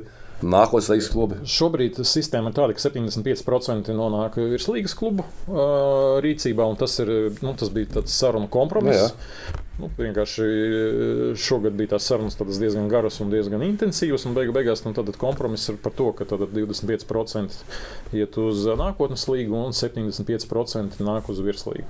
Ja, nu, respektīvi, arī šeit tiek ievērot zināmā mērā. Tas ir 3 sekundes. Kas? Pie pits būtu tikuši. Nu. Nē, mēs ne. Nu, tur ir jāizpildās vēl pēc tam sekundes, virkne, pēc tam ir jāizpildās virkne prasību, lai tu jā. varētu Nu, nonākt no Ā, nu, tad, tad nē. Tā ka, jebkurā gadījumā nu, mēs atgriežamies pie tā pamata jautājuma, ka, ja mums eh, šobrīd mērķis ir stiprināt šo sistēmu, un lai mūsu arī kopējais eh, virslīgas čempionāta līmenis stiprinās klubu nu, stabilitāte lielāka, ja, tad mēs saprotam, ka tas nav vienādības zīme ar to no 10 uz 12, 14 līdz kaut ko. Mm. Šobrīd vienkārši tas jānokoncentrē un jānostiprina, un tādā momentā, kad mēs redzam, ka tas sistēma strādā, tad varbūt kaut kurā momentā to var izskatīt un pārskatīt, kādā veidā iet. Bet, jo tur ir otrs variants, ne otrs variants, bet otrs ļoti svarīgs jautājums, par ko netiek runāt. Ir jāsaprot, ka virslīgas čempionāts jau vairs nav tikai čempionāts, kas tiek organizēts eh, lokāli. Jā. Mums ir ļoti daudz ska- skai- skaitlīgi arī partneri, kur mums ir arī kaut kādas saistības attiecībā pret partneriem. Pret No formātiem, stream, pret no money.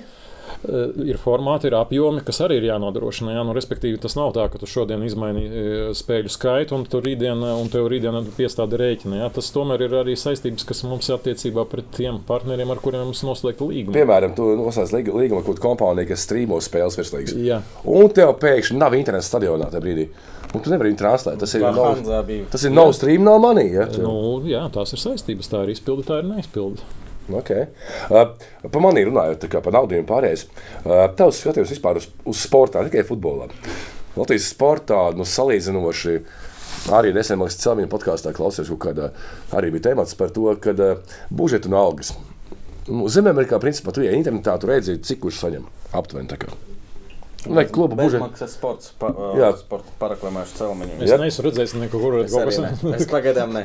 Nu, bet, principā, ka tu, vai, tu, vai mēs esam gatavi iet, iet uz to pusi? kā, Ka klubi publicē kaut kādu savu budžetu, nu ne visi, tā kā, bet nu, pamatā viņiem pienākums Bet ir uh, Lursoftā jau ir. tā. Nu, jā, nu, bet nu, tas ir Lūdzu. Ja. Paši publicē savu budžetu. Piemēram, tas spēlētājs saņem tik un tik divu gadu līgumus par summu, tur nezinu, 300 eiro gadā. Ja. Tu būtu gatavs pateikt, cik tu pelni. Nu, šobrīd? Jā, es šodien biju koncertā no rīta ministrijā un par to saņēmu 200 eiro papīra. Paldies. Tev nebija, ka līgumā tur iestrādā- iestrādāts konfiden- konfidenciālitātes Es jautājums. viņu nelasīju arī. Ga- Vai esi gatavs atmaksāt atpakaļ? Tā ka nē, es, es jebkurā gadījumā domāju, ka tik daudz, cik ir nepieciešams informācijas, lai iegūtu kopējo priekšstatu par klubu, klubu rocību, tāda informācija ir pieejama. Un es domāju, ka visi tie, kas nu, strādā profesionāli un grib strādāt ar šo informāciju profesionāli, viņi ar šo informāciju var iepazīties. Tālāk, kas ir attiecas par līgumiem, pa visu pārējo, nu, tā, tā, tā, tā informācija, es domāju, ka viņa pamazām mainās. Jo, ja mēs atceramies, kaut vai, nu, tad, kad es ienācu pirms pieciem gadiem, jā, tās informācijas bija stipri mazāk nekā viņa ir tagad. Nu, jā, viņi salīdzinoši ir. Jā. Viņa, viņa līdz ar to veidojas. Nu, es domāju, ka mēs tā soli pa solim mēs vienkārši tajā virzienā ejam. un Es domāju, ka mēs pēc pieciem gadiem skatīsimies. Un Teicu, varbūt, jūs, jūs partneri, partneri, ministrijas partneri un kas un kā. Mums nav ministrijas partneri. Nē, nu. Vai Vīts ir jūsu partneris? Jo bieži vien Latvijas futbolu ņem virsā Vīts, tā kā rakstos, Stratnī rakstos kā, Vai jūs ar Vītu sadarbojaties kaut kādā veidā? Nezinu, viņi saka, jūs sveiki. Nu, eh, nu, ko nozīmē sadarbojamies? Vai, vai eh, mums sūta vēstules, Vits mums sūta vēstules, vai mēs rakstām paskaidrojumus, mēs rakstām paskaidrojumus. Bet jūs esat līgas vadība, nevis klubs. Nu, eh, nē, nu, no vienas puses nav jau slikti, ka valsts ieņem dienestam ir interesi par sportu. Eh, Jautājums vienkārši, lai tas nekļūst par nu, tādu bieži rakstīja. Nu, tu, tu, tu. Pēdējā gada laikā mazāk. Ah, okay. Nu, tie ir interesanti. Pēdējais, liekas, bija par raudu, bet tur arī viss beigās diezgan. Nē, nu, te mēs pagaidām, pa, pa ko mēs runājam. Mēs runājam par klubiem, vai mēs runājam par virslīgu. Pavirslīgi, pavirslīgi. Nu, kā pavirslīgi, kā kā jums tā kā, organiz- Nē, nu, sveiki, pavi- jūs nē, nu. esat čempioni, tad mums ir nepatīk kaut kādas lietas jūsu klubos. tā kā. Nē, nē, nē, nu, nē, nu, tā, nē tāda, tāda jautājuma mums nav. Jo, principā, jau tas, kas attiecas personīgām finansēm, katrs klubs atbild par sevi. Uh. -huh. Ta, es domāju, ka tas jautājums ir vairāk par or, pa, pa virslīgu kā par organizāciju. Mums jau arī ir bijusi komunikācija un dažādas, kā saka, mēs esam arī snieguši atskaites un un skaidrojumus snieguši un visu kaut ko. Tādā ziņā mēs jau neesam neko svarīgāk, mums nav nekādas imunitātes. Okay. Uh, Kā tu redzi virslīgas attīstību nu, nākamajos piecos gados? Kur tu gribētu redzēt pēc pieciem gadiem Latvijas futbola virslīgu? Nu, tad, ja mēs paskatāmies tā retrospektīvi atpakaļ, tad šobrīd nu, tas budžeta vērtējuma pieaugums, nu, nu, lai nesmelot ciparus, tad es teiktu, kaut kur vismaz divas reizes. Tad droši vien, ka to es redzētu divas reizes vismaz attiecībā pret periodu pēc pieciem gadiem, uh -huh. ar daudz plašākām iespējām. eh, Un tas ir mūsu pamatlieta, kas tas ir mūsu televīzijas produkts, lai radītu aizvien kvalitatīvāku eh, iespēju sekot līdzi. Stabilus desmit klubus. Es tomēr, okay. ja mēs runājam par klubu sistēmu un, un, un, un izspēļu sistēmu, jā, es tomēr droši vien šobrīd redzu, ka tas ir tāds optimālais variants. Un, ja klubu iespējas būtu nostabilizēties gan finansiāli, gan arī nu, tajos jautājumos, ko mēs runājām iepriekš, gan par jaunas sistēmām, gan arī par pašvaldību iesaistīšanos, lai stabilizētu klubu iespēju augt, jā, tad es redzu vēl stabilākus klubus, jā, vai, vai, vai tas ir esošajā formātā, vai tie ir klubi, kas ir jau pienākuši arī no nākotnes līgas, jo vienkārši redz tur sev izaugsmas potenciālu. Tas jau stāsts par konkurenci un par to, kādā veidā tas izveidosies. Okay, dzīvēt fantāzijā pasaulē. Mēs aptuveni nojaušam, kas ir basketbolā. Ir Uleps un uh, otrs bija kas nu, Če, no, League. Champions League ja. nu, Piemēram, tagad, ja, ja, ja veidojās, uh, es pilnīgi mūžīgi te runāšu, uh, ja veidojās šī te, superlīga no serijas, Jā. un uh, UEFA paliek. Un pazaudē Latvijā pasakā tā, ka sveiki. Tagad uh, Latvijas Futbola Federācija ņems un rīkos paši virslīgas čempionātu. Tad tagad jūs paliekat pie savējā. Tā situācija teorētiski būtu iespējama. Ka ir LFF čempions Latvijas futbolā un virslīgas čempions futbolā. Nu, Nulle un Eirolandā. Nu, es, es to teikšu tā, es to konfliktu neesmu pētījis. Es nevaru pateikt, tagad, uz ko viņš balstās un kas ir tas nu, stūrakmens tajā visā. Bet nu, šobrīd mums ir ilgtermiņa līgums ar Futbola federāciju. Mēs šī līguma ietvaros strādājam. Un, nu, Cik ir ilgtermiņa? Ja nemaldos, tad vēl trīs gadi. Klausies, bet tur uh, sākumā taču nebija viss gludi ja, starp virslīgu un LFF. Nu, tie bija tie pirmie gadi, kad, kad futbolā bija tā, kā bija. Tur, tur tas 18, 19 gads tur jau interesanti gāja visādā ziņā. Un, un tur tā arī bija, ka tur tie gadi bija. Nu, bija. Bet, uh, principā, tā komunikācija no mūsu puses mainījās tajā momentā, kad skaidrs, ka pie pirmajiem gadiem, nu, kad mēs sākām darboties, mums arī ar partneriem tās attiecības lielākoties bija nu, viengadīgas. Un tādā momentā, kad mēs sākām veidot nu, daudz uh, nu, nu, teikšu, tā, profesionālāk skatu uz to visu kopumā, jā, tad mēs sapratām, ka mums patstāvīga līguma neesība ar Futbola federāciju traucē un liedz mums noslēgt ilgtermiņa līgumus tajās segmentos, kur mēs to gribējām. Līdz ar to tas bija viens no tiem jautājumiem, par ko mēs runājam. Tādā ziņā tur jāsaka paldies, jā, ka mums šobrīd šī ilgtermiņa sadarbība ir un tas mums ir devis iespēju daudziem sadarbības partneriem noslēgt ilgtermiņa līgumus. Tas dod pārliecību nu, ne, drošāk, ne tikai jā, mums ir. pašiem, bet arī mūsu partneriem. Partneriem. Jau skaidrs, ka saprotams, ka tā, tā tie dati, tie strīmi un tas viss, tas, ko mēs piedāvājam, tas ir tas produkts, jā, kas tiek vērts. Par cipariem gribēju pajautāt, tu varētu pastāstīt, cik tur ārzemēs skatās, nu, plus mīnus, kur skatās, eh, jo tur tās platformas. Es šobrīd, šobrīd precīzi datus pārzemēm, eh, nu, tas, kas saistās tieši ar OneFootball platformu, es tev pateikt, pat ne, nevarēšu. -hmm. Tas, ka mēs nu, pirms pusgada skatījāmies, un tā pār, eh, pārklājuma karte viņa bija, jā, viņa nebija liela. Nu, mēs jebkurā gadījumā nu, runājam nu, ne par milzīgām auditorijām, bet jebkurā gadījumā viņa ir pietiekami liela, lai partneri to novērtētu. Un -hmm. Novērtētu nevis tikai ar to, ka tas ir līgums, bet par to arī konvertētu naudas izteiksmē. -hmm.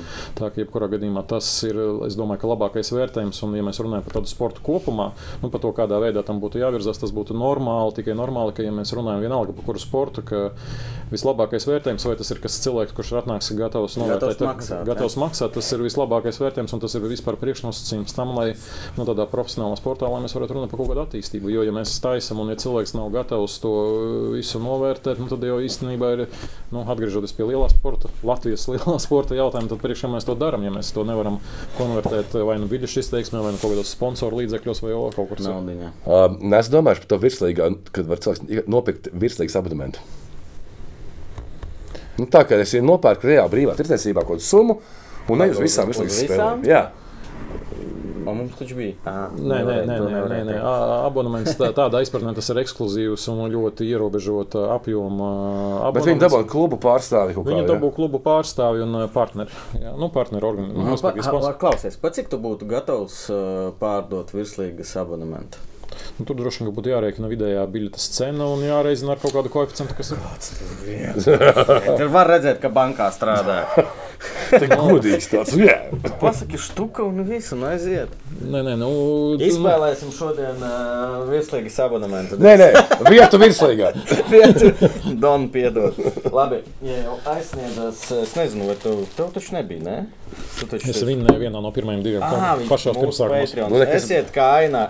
Tu Nē, vispār... tagad neesmu, tagad es neesmu. Bet vienalga, tu biji, man liekas, par futbolu, vēl nebija. Nu, es, biju, es biju viens no pirmajiem Petroniem. Jā, jā un yep. tu vēl arī LFF tur gāji pie, tu man Es stāstīji. aģitēju, jā, aģitēju, jā, jo tāpēc, ka es ticēju jūsu idejai un vēl joprojām ticu. O, Tad tev krekliņš uzlīmītas. eh, Šito uz katra krēsla jūsu oficiālā uzlīmē. Man tagad būs jābrauc eh, kaut kad eh, tuvākā laikā vienā ārzemju braucienā. Centīšos, Stabus, jā, stabus. centīšos tas paņemt līdzi. mazliet huligānisms. jā. Mēs ko izspēlējam? Kaponu. Keponu, jā. Keponu. Nu labi, jo Ai, keponu, tā keponu. Nu. A, kāpēc vairs neesi starp citu? Man tagad nomainījās kartes. Tad Ā! kaut O, kā jā, šī stāsta, zinām, zinām, zinām. Man tā FK Rīga Kaut- teica par algu. Bet tā par kartēm. Iepasēju, viņš ir dzirdēja baumas superkaus. Ah, jā, starp citu. Būšot, nu mums tur čatā čukstē cilvēki tā kā. Es, es, es zinu par Livonijas kausu, bet par superkausu No. droši vien nevaru pateikt. Livonijas kaus bija. Nav plānā superkaus Latvijas. Nu, varbūt, ka viņš ir, bet viņš varbūt citos kabinetos. Ok, kaus ieguvējs un čempions tā kā, jā. Nu, tā par to ideju ir runāts. Un, un, un tā ir. Tā, nu, nevar teikt, ka tā ir jauna ideja, bet, Kur spēlēs? Bet es šobrīd, Dubajā? es godīgi sakot, es pirmo reizi šobrīd attiecībā par nākamo gadu šobrīd ir- Nopietni? Jā, jā. Tas ir labi, tas labi. Es tiesāšu to spēli. es tiesāšu to spēli. Krišādi. kurš- Ziemas kausa. Nu, tas ir tas Livonijas kauss, kur šobrīd nu, notiek pārunas, lai saprastu uh, Igaunijas un Latvijas klubu Intereses, intereses un vajadzības. Jo tur droši vien jāvērtē no nu, kā idejas viena no nu, es nezinu, vai iniciatora. Es nezinu, kā tā saruna sākās, bet jebkurā gadījumā skaidrs, ka Igaunijas klubi nebrauc tik daudz uz ārzemēm. Nu, visi pieci būs pa divreiz minimums. Nu, man, man, tas grafiks aptuveni ir melnraksts ir zināms, un varbūt tur tik daudz, varbūt kā, kā pagājušajā gadā, kā šo, nu, šī gada sākumā tāda varbūt nebūs, bet jebkurā gadījumā, nu, priekš tāda, kā lai saka, desmit uz desmit turnīra, nu, es domāju, ka tas būs stipri pagrūti. Vai tev ir zināms aptuvenais nākamās sezonas kalendārs? Nu, Mēs šobrīd esam izveidojuši tādu nu, nosacītu pirmo draftu, un mēs nu, atgriežamies pie tā, ka šobrīd droši vien, ka, Ka pēdējā kārtā jāspēlē Rīgai pret RFS. tur, nu, lai es tagad nesameloju. Lai es tagad nesameloju, man liekas, ka tā varēja būt. Jo, jo, jo, jo... Es tiešām ceru, ka visu, visus gadus ies punkts punktā. Nu, tu zini, kā, tas, ir, tas, tas ir jautājums, ko man pēdējās, eh, nu, tagad eh, jāsaka tā, ka tā uzmanība no žurnālistiem un medijiem ir diezgan liela. Jā. Nu, reizes gadā tā, tā, tā, tas stundu Jā, pienāks. nē, nē, un viņa katru gadu kļūst aizvien lielāka. tad Tas, tas, tas vienmēr tas jautājums, parasti, nu, šī bija sezona, baigi forša, ko tu sagaidi nākamajā sezonā. Nu, respektīvi, kas var būt vēl foršāks? Un tad momentā, kad mēs pirms diviem gadiem runājām, un tad toreiz bija Rīga, Daugopils. Es neatceros, kādi tur bija punktu izkārtojumi, jā, bet nu, tad likās, nu, jau šogad tā bija, tad nākamgad tā nebūs. Un tad mm. bija nākamais gads, un tur vēl vairāk izšķirās. Un tad mēs pagājušajā gadā runājām, nu, zin, kā, nu, liekam to kalendāru. Nu, nu, šogad taču tā vairs nebūs. Jā.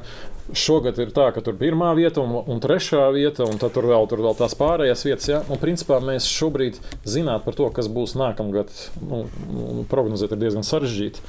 Tas, kas mums ir nu, jāizdara, mums pirmkārt ir jāpaliek eh, nu, pie viena tā jautājuma, kas mums kopēji vieno un kas mums ir ļoti svarīgs ne tikai klubiem, bet domāju, arī visiem līdzutējiem, eh, visiem tiem, kas nāk vasarā uz stadionu, kas novērtē ar savu naudu, tā skaitā ar Eiropas kausu sezonu. Tas kalendārs, kas ir iepriekš, ko mēs esam veidojuši, viņš ir tomēr zināmā mērā arī radījis priekšrocības nu, mūsu klubiem piedalīties Eiropas. Eiropas, Eiropas kausos. Ja? Līdz ar to tam ir jābūt un tam principam nu, ir jābūt saglabātam, un viņam ir jābūt ievērotam, jo tas ir principā mūsu kopējais panākums. Runājot par visu Latvijas futbolu, saka, panākumiem. Ja? Mēs tam varbūt nepieskārāmies, bet mums ļoti katastrofāli pietrūks skaļu panākumu. Un tas ir tas, kas vajadzīgs. Un Mums, Jep. ja mēs šajā virzienā varam kopistiski vienoties, ka ir kaut kādas lietas, ka mēs varam salikt kopā un mēs redzam, ka tas palīdz, mums tas viss ir jāizdara. Nē, no vienkārši turpmākos piecus gadus to top divi Rīga un RFS, un viss būs. Tas ir, tu prasīji par pieciem gadiem. Jā, piecu gadu kontekstā, tad piecu gadu kontekstā tiek uzkrāts reitings, un mēs iegūstam, pieņemsim, nu, nezinu, 32. vietu, kas mums ir viens no nu, cerībām. Mērķiem, ja? Jā, tad mēs iegūstam eh, pozīciju Eiropas eh, līgu turnīrā, mēs iegūstam eh, citu līmeni solidaritāti finansējumā, respektīvi mums, mūsu klubiem, nevis mums kā virslīgai, bet mūsu klubiem rodas eh, citas iespējas, un tas atkal savukārt veido to, jā. eh, Jā. to, pa ko mēs gribam. Mēs gribam, tas lai, hypes. lai cilvēki to visu. Jo, jo tā visa atnākšana uz stadionu, un, un, tas jau nav tikai par to, ka es no, aizvedu vienu spēli. Tas tomēr ir par to, ka tur atnāk bērni, tur veidojas apkārt intriga. Tā diena kļūst par notikumu. Kā es nesen uzzināju, ka patiesībā jūsu reglamentā virslīgas esošs punkts, ka visiem virslīgas klubiem jānodrošina paika. Nu, ēdienas, ēdienas, kafija, tēja, kaut kas tāds stadionā. Tas Jā. ir reglamentā iekšā. Tas ir jā. reglaments.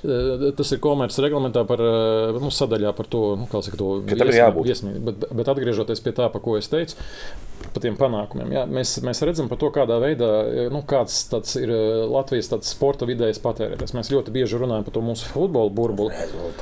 Bet mēs, Medaļu bet vajag, mēs, medaļu bet vajag. mēs aizmirstam par to, ka, lai tas cilvēks atnāktu uz to stadionu, viņam ļoti bieži ir vajadzīgs tas notikums. Un e, RFS dalība grupu turnīrā nu, ļoti labi parādīja par to, Latvija, tūlīt. Jā, nu, Jā, Arī bija Horvātija. jau. Un, tu, un tur tie cilvēki viņi pulcēs. Latvija un Viņiem tā 2:0. sajūta jau nav slikta. Un tas ir tas stāsts arī par to pašu Rīgas derbiju, kas ir izveidojies. Nu, tā kā jau zināms, atpazīstams zīmols ne tikai futbolā, bet arī ārpus futbola sabiedrības. Jo tajā momentā tā spēle ir eh, notikums. Mm -hmm. ja? Un tajā momentā, kad tā spēle ir notikums, tad ir iespēja aizķert un paķert kaut kādus līdzekļus par to, ka tas atstās tādu iespēju par to, ka tev gribēs vēlreiz atnākt uz stadionu. Un Viņa Bet- kļūst Bet man, eh, man galvā paliek, ka es neatceros, pret ko spēlēja RFS grupās konto stadionā. Un pēc trim vai četrām dienām bija virslīga spēle LNK.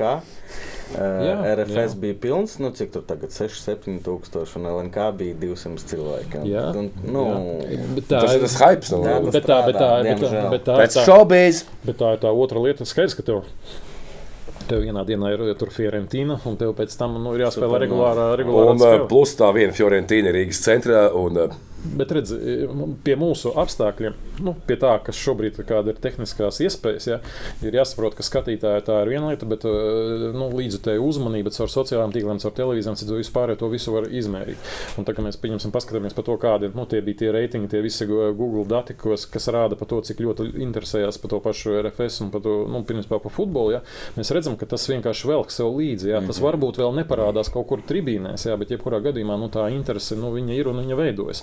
Bet, lai tas viss iet uz priekšu, ja, tad, nu, tam visam ir jākļūst par patstāvīgu. Tam Nevar jākļūst- pazust, kā Spartaks pazuda, piemēram, vai Vēnspils. Nu, tradīcijas, jo, ja RFS 15 gadu spēlēs Eiropausos, katru 3. un 4. gadu dod Dievs vai Rīga e, grupu turnīrā, jo mums tagad taču, nu, tur Mums, Vai tu- vecākais mums, klubs mums, meta. mums nav baigi daudz iespēju. Mums vienīgā iespēja, tāpat kā jums, tam, ko jūs darat, tāpat arī mums, mums ir vienkārši godīgi jādara, mums godīgi jādara savu darbu. Mums ir jācer, ka mums nedos kaut kur paveiksies. Nē, Aina, ar nepiekrītu. Ar, eh, kad parādījās konferences līga, Jā. es uzskatu, ka tas vienreiz trīs gados eh, Latvijas klubam jāspēlē grupu turnīrā. Ar tādiem, nu, ar eh, to, kas šobrīd ir Rīgā, Nē, nu, nē, nu, šobrīd pamazām kas tāda tā, klubu, tāda, tā, klubu reitings aug.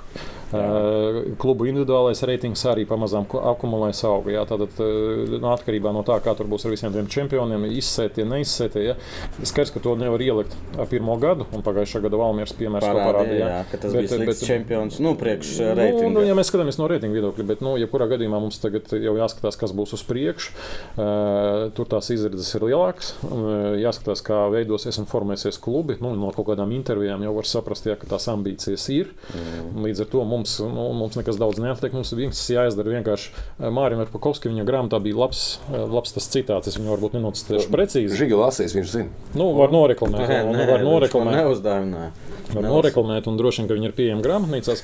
Bet, eh, labs. bet tā kā viņš runāja nu, par sevi kā par sportistu, viņš, viņš teica, ka man vienkārši ir jādara viss, un man ir jābūt gatavam tajā momentā, kad man pienāks tas īstais brīdis. Iespēja. Iespēja, un man tā iespēja ir jāizmanto. Tu Jā, to liki storijā. Tāpēc es jā, zinu šito. jā, jā. Un, un man liekas, ka tas ir i- ideāls scenārijs Jā. priekš tā visa, vispār, ko mēs darām. dzīvē tev jābūt gatavam, kad Ir jāizdara maksimums. Jā. Tas stāsts, eh, pagaidi stāsts par U21 spēli. Portugālē. Tā ir interesanta burbuļsakta Spēlē bundze. Maltiņu pret mums eh, un vispārējie. Un uh, Ševļikovs treneris, un viņš saka, šodien, nu tiešām tā arī ir. Nu, es te nesmējos, šodien ir lielā jūsu iespēja dzīvē. Nu, parādiet sevi, tur Portugālē, es neceros pilsētu, 10 tūkstoši stadions, neliels, nu, priekš Portugāles. Šodien šeit skauti, un garām šim stadionam uh, skries zirgs. Un kurš no jums ieķersies zirgā, tas arī var karjerā aiziet. Nu, mūsu atvazāja tur vienkārši nu, bez variantiem. Nu, zirgu neredzējāt, jā. 0-3 un Antons Zīmēlins ienāk. Mēs, Лошадь кто-то видел. Tā ir līdz, tas ir līdzīgs par, par iespēju. Mēs, it kā zaudējām, bet, nu, mēs visu spēkus atdevām, tur nebija variantu, tur, ka kādu pamanīs. Tā, uh, Kepons no Tā nē, ar dažu rokā. Noinara. Nu? Šitas uz visu dzīvi atceros. Kaspars Ba. Kaspars B. Kaspars Ba. Ba. Ba. Kaspars Ba. Ba. Kaspars Ba. Ā, Kaspars B. Kaspars Ba. Nu, tu jau kas zini, kas darāms. Ja? Dod ziņu, vai mēs tad dosim ziņu, viss būs ok. Uh, Ainār, paldies, jā, paldies mūsu Patreonam, kā vienmēr teikšu. Paldies Lāvasam, ka mēs sēžam šorīt, un paldies Betsēp par to, ka viņa logo ir tur stūrīti augšā. Paldies! Man liekas, ka sarunas laikā tev balss pazuda. Nu, man bija šodien divi koncerti, mēģinājums Ā, izrādīt. ok, kas- Un rītā man vēl, nu, man kā valsts svētki ir samata. Bet tas ir darbs. Klau, Ainār, jums ir kaut kāds PR departaments uh, virslīgā. Jā, Pauļus vada. Jā, es vienkārši domāju, tādu fišku, vai, vai jūs darat tādu lietu, ka vai jūs eh, promotējat mēdījiem, kuriem tas ir nav par ko rakstīt, vai jūs mēģināt sūtīt to knižku par kaut kādiem virslīgas atsevišķiem spilgtām personībām. Ne- Neatkarīgi no kluba, bet tad ir spilgta personība kaut kur tur, tur, tur. tur Un jūs esat tur tālu par žurnāls ievado sērijas, tā kā Eo Klau, zin kā, jums rakstīt tāpat ne, ne, ne par ko, nu, Reku varētu, Te mums tāds cilvēks. Mums, mums, mums tādas sarunas ir bijušas, bet, nu, kā lai saka, mums tur tad uzreiz, eh, nu, kā lai saka, mediji arī ir biznesa. es zinu, ka medija ir. Es ka Budžets. me- Es zinu, ka medija ir biznesa, bet eh, tāpat laikā tiešām ne tikai klubus un visu to struktūru, bet ir trāpās tiešām kas jēdzīgs, nu, kurš varētu medijiem interesēt cilvēks komandā kādā. Ja? Jo tas ir jūsu interesēs, viņu, viņu pārdot. tā nē, kā, nē, nu viennozīmīgi. caur viņu pārdot, dabūt to līgas kaut kādu raskrūtu, kā saka. Nē, nē, nu, tur ar tiem, ar kuriem mums tas kontakts varbūt pašiem izveidojas personīgāks, tur viennozīmīgi, nu, tur, kur mēs gribētu būt pēc pieciem gadiem. Jā. Es ceru, ka mums tas arī izdosies un ka tas arī veidosies. Okay. Nu, pirms pēdējās kārtas tu biji TV3 vai TV1. Kuras... LTV. Visur. Kā? Kā tas notiek? Tu sasprati producentu, tā kā, nu, kā, Jūs nu. paši uzprasties vai LTV? Es, es, uz, es uzzvanīju, uzsūtīju ziņu Raimondam. Es teicu, ka Džekišam, ja? Nu, Jā, jā, jā, jā, pēdējā ka, Jā. ka ir foršs notikums. Nu, Jā. kā es gaidu. Tā tas notiek. Jā, un, un tādā ziņā mums jau, nu, tur es tikai labu varu pateikt, mums jau Latvijas televīzija ir daudz draudzīgu cilvēku. Mums vienkārši tas jāturpina. Ziniet, TV3 tas padarās. Vienkārši uzsver producentē ziņu. Un... Nu, skatīsimies, tur mums arī ir futbola cilvēki un jāstrādā tajā virzienā. Ainār. Mēs Paldies, mēs pār- mēs laikam bundas daudz ilgi, bet, runāt. eh, Tā bija pirmā epizode. jā. Jā, Jā, un- un daudz tā saka. Man ir prieks, ka mēs runājam par virslīgu tik maz Jā, salīdzinoši. jā, jā. Mums, eh, man eh, liekas, ka mēs forši kaut kādā veidā pastāstījām par tevi. Nevis mēs, bet tu.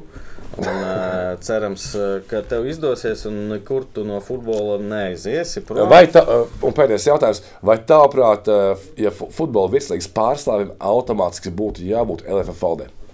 Es uzskatu, ka jā. Vai Jūs gaidat PPC virslīgā? Nu, man- tu jau man to uzdevi pirmajā atklāšanas sezonā. Es teicu, tā. jūs tagad atpaliekat no grafika. Tā ir. Jā. Priekā. Paldies! Tiekās Čau, tiekamies. 2039. gadā. Gadā. Paldies, ka skatījāties. Abonējiet, lūdzu, daudz skatās, Jā. kas neabonē. Spiediet laiku un abonējiet. Es nezinu, kaut ko tas dod. Kā, un, um, kā teica Ainārs, dati ir svarīgi. Uzspiediet laiku un subscribe. Paldies! Čau! Čau.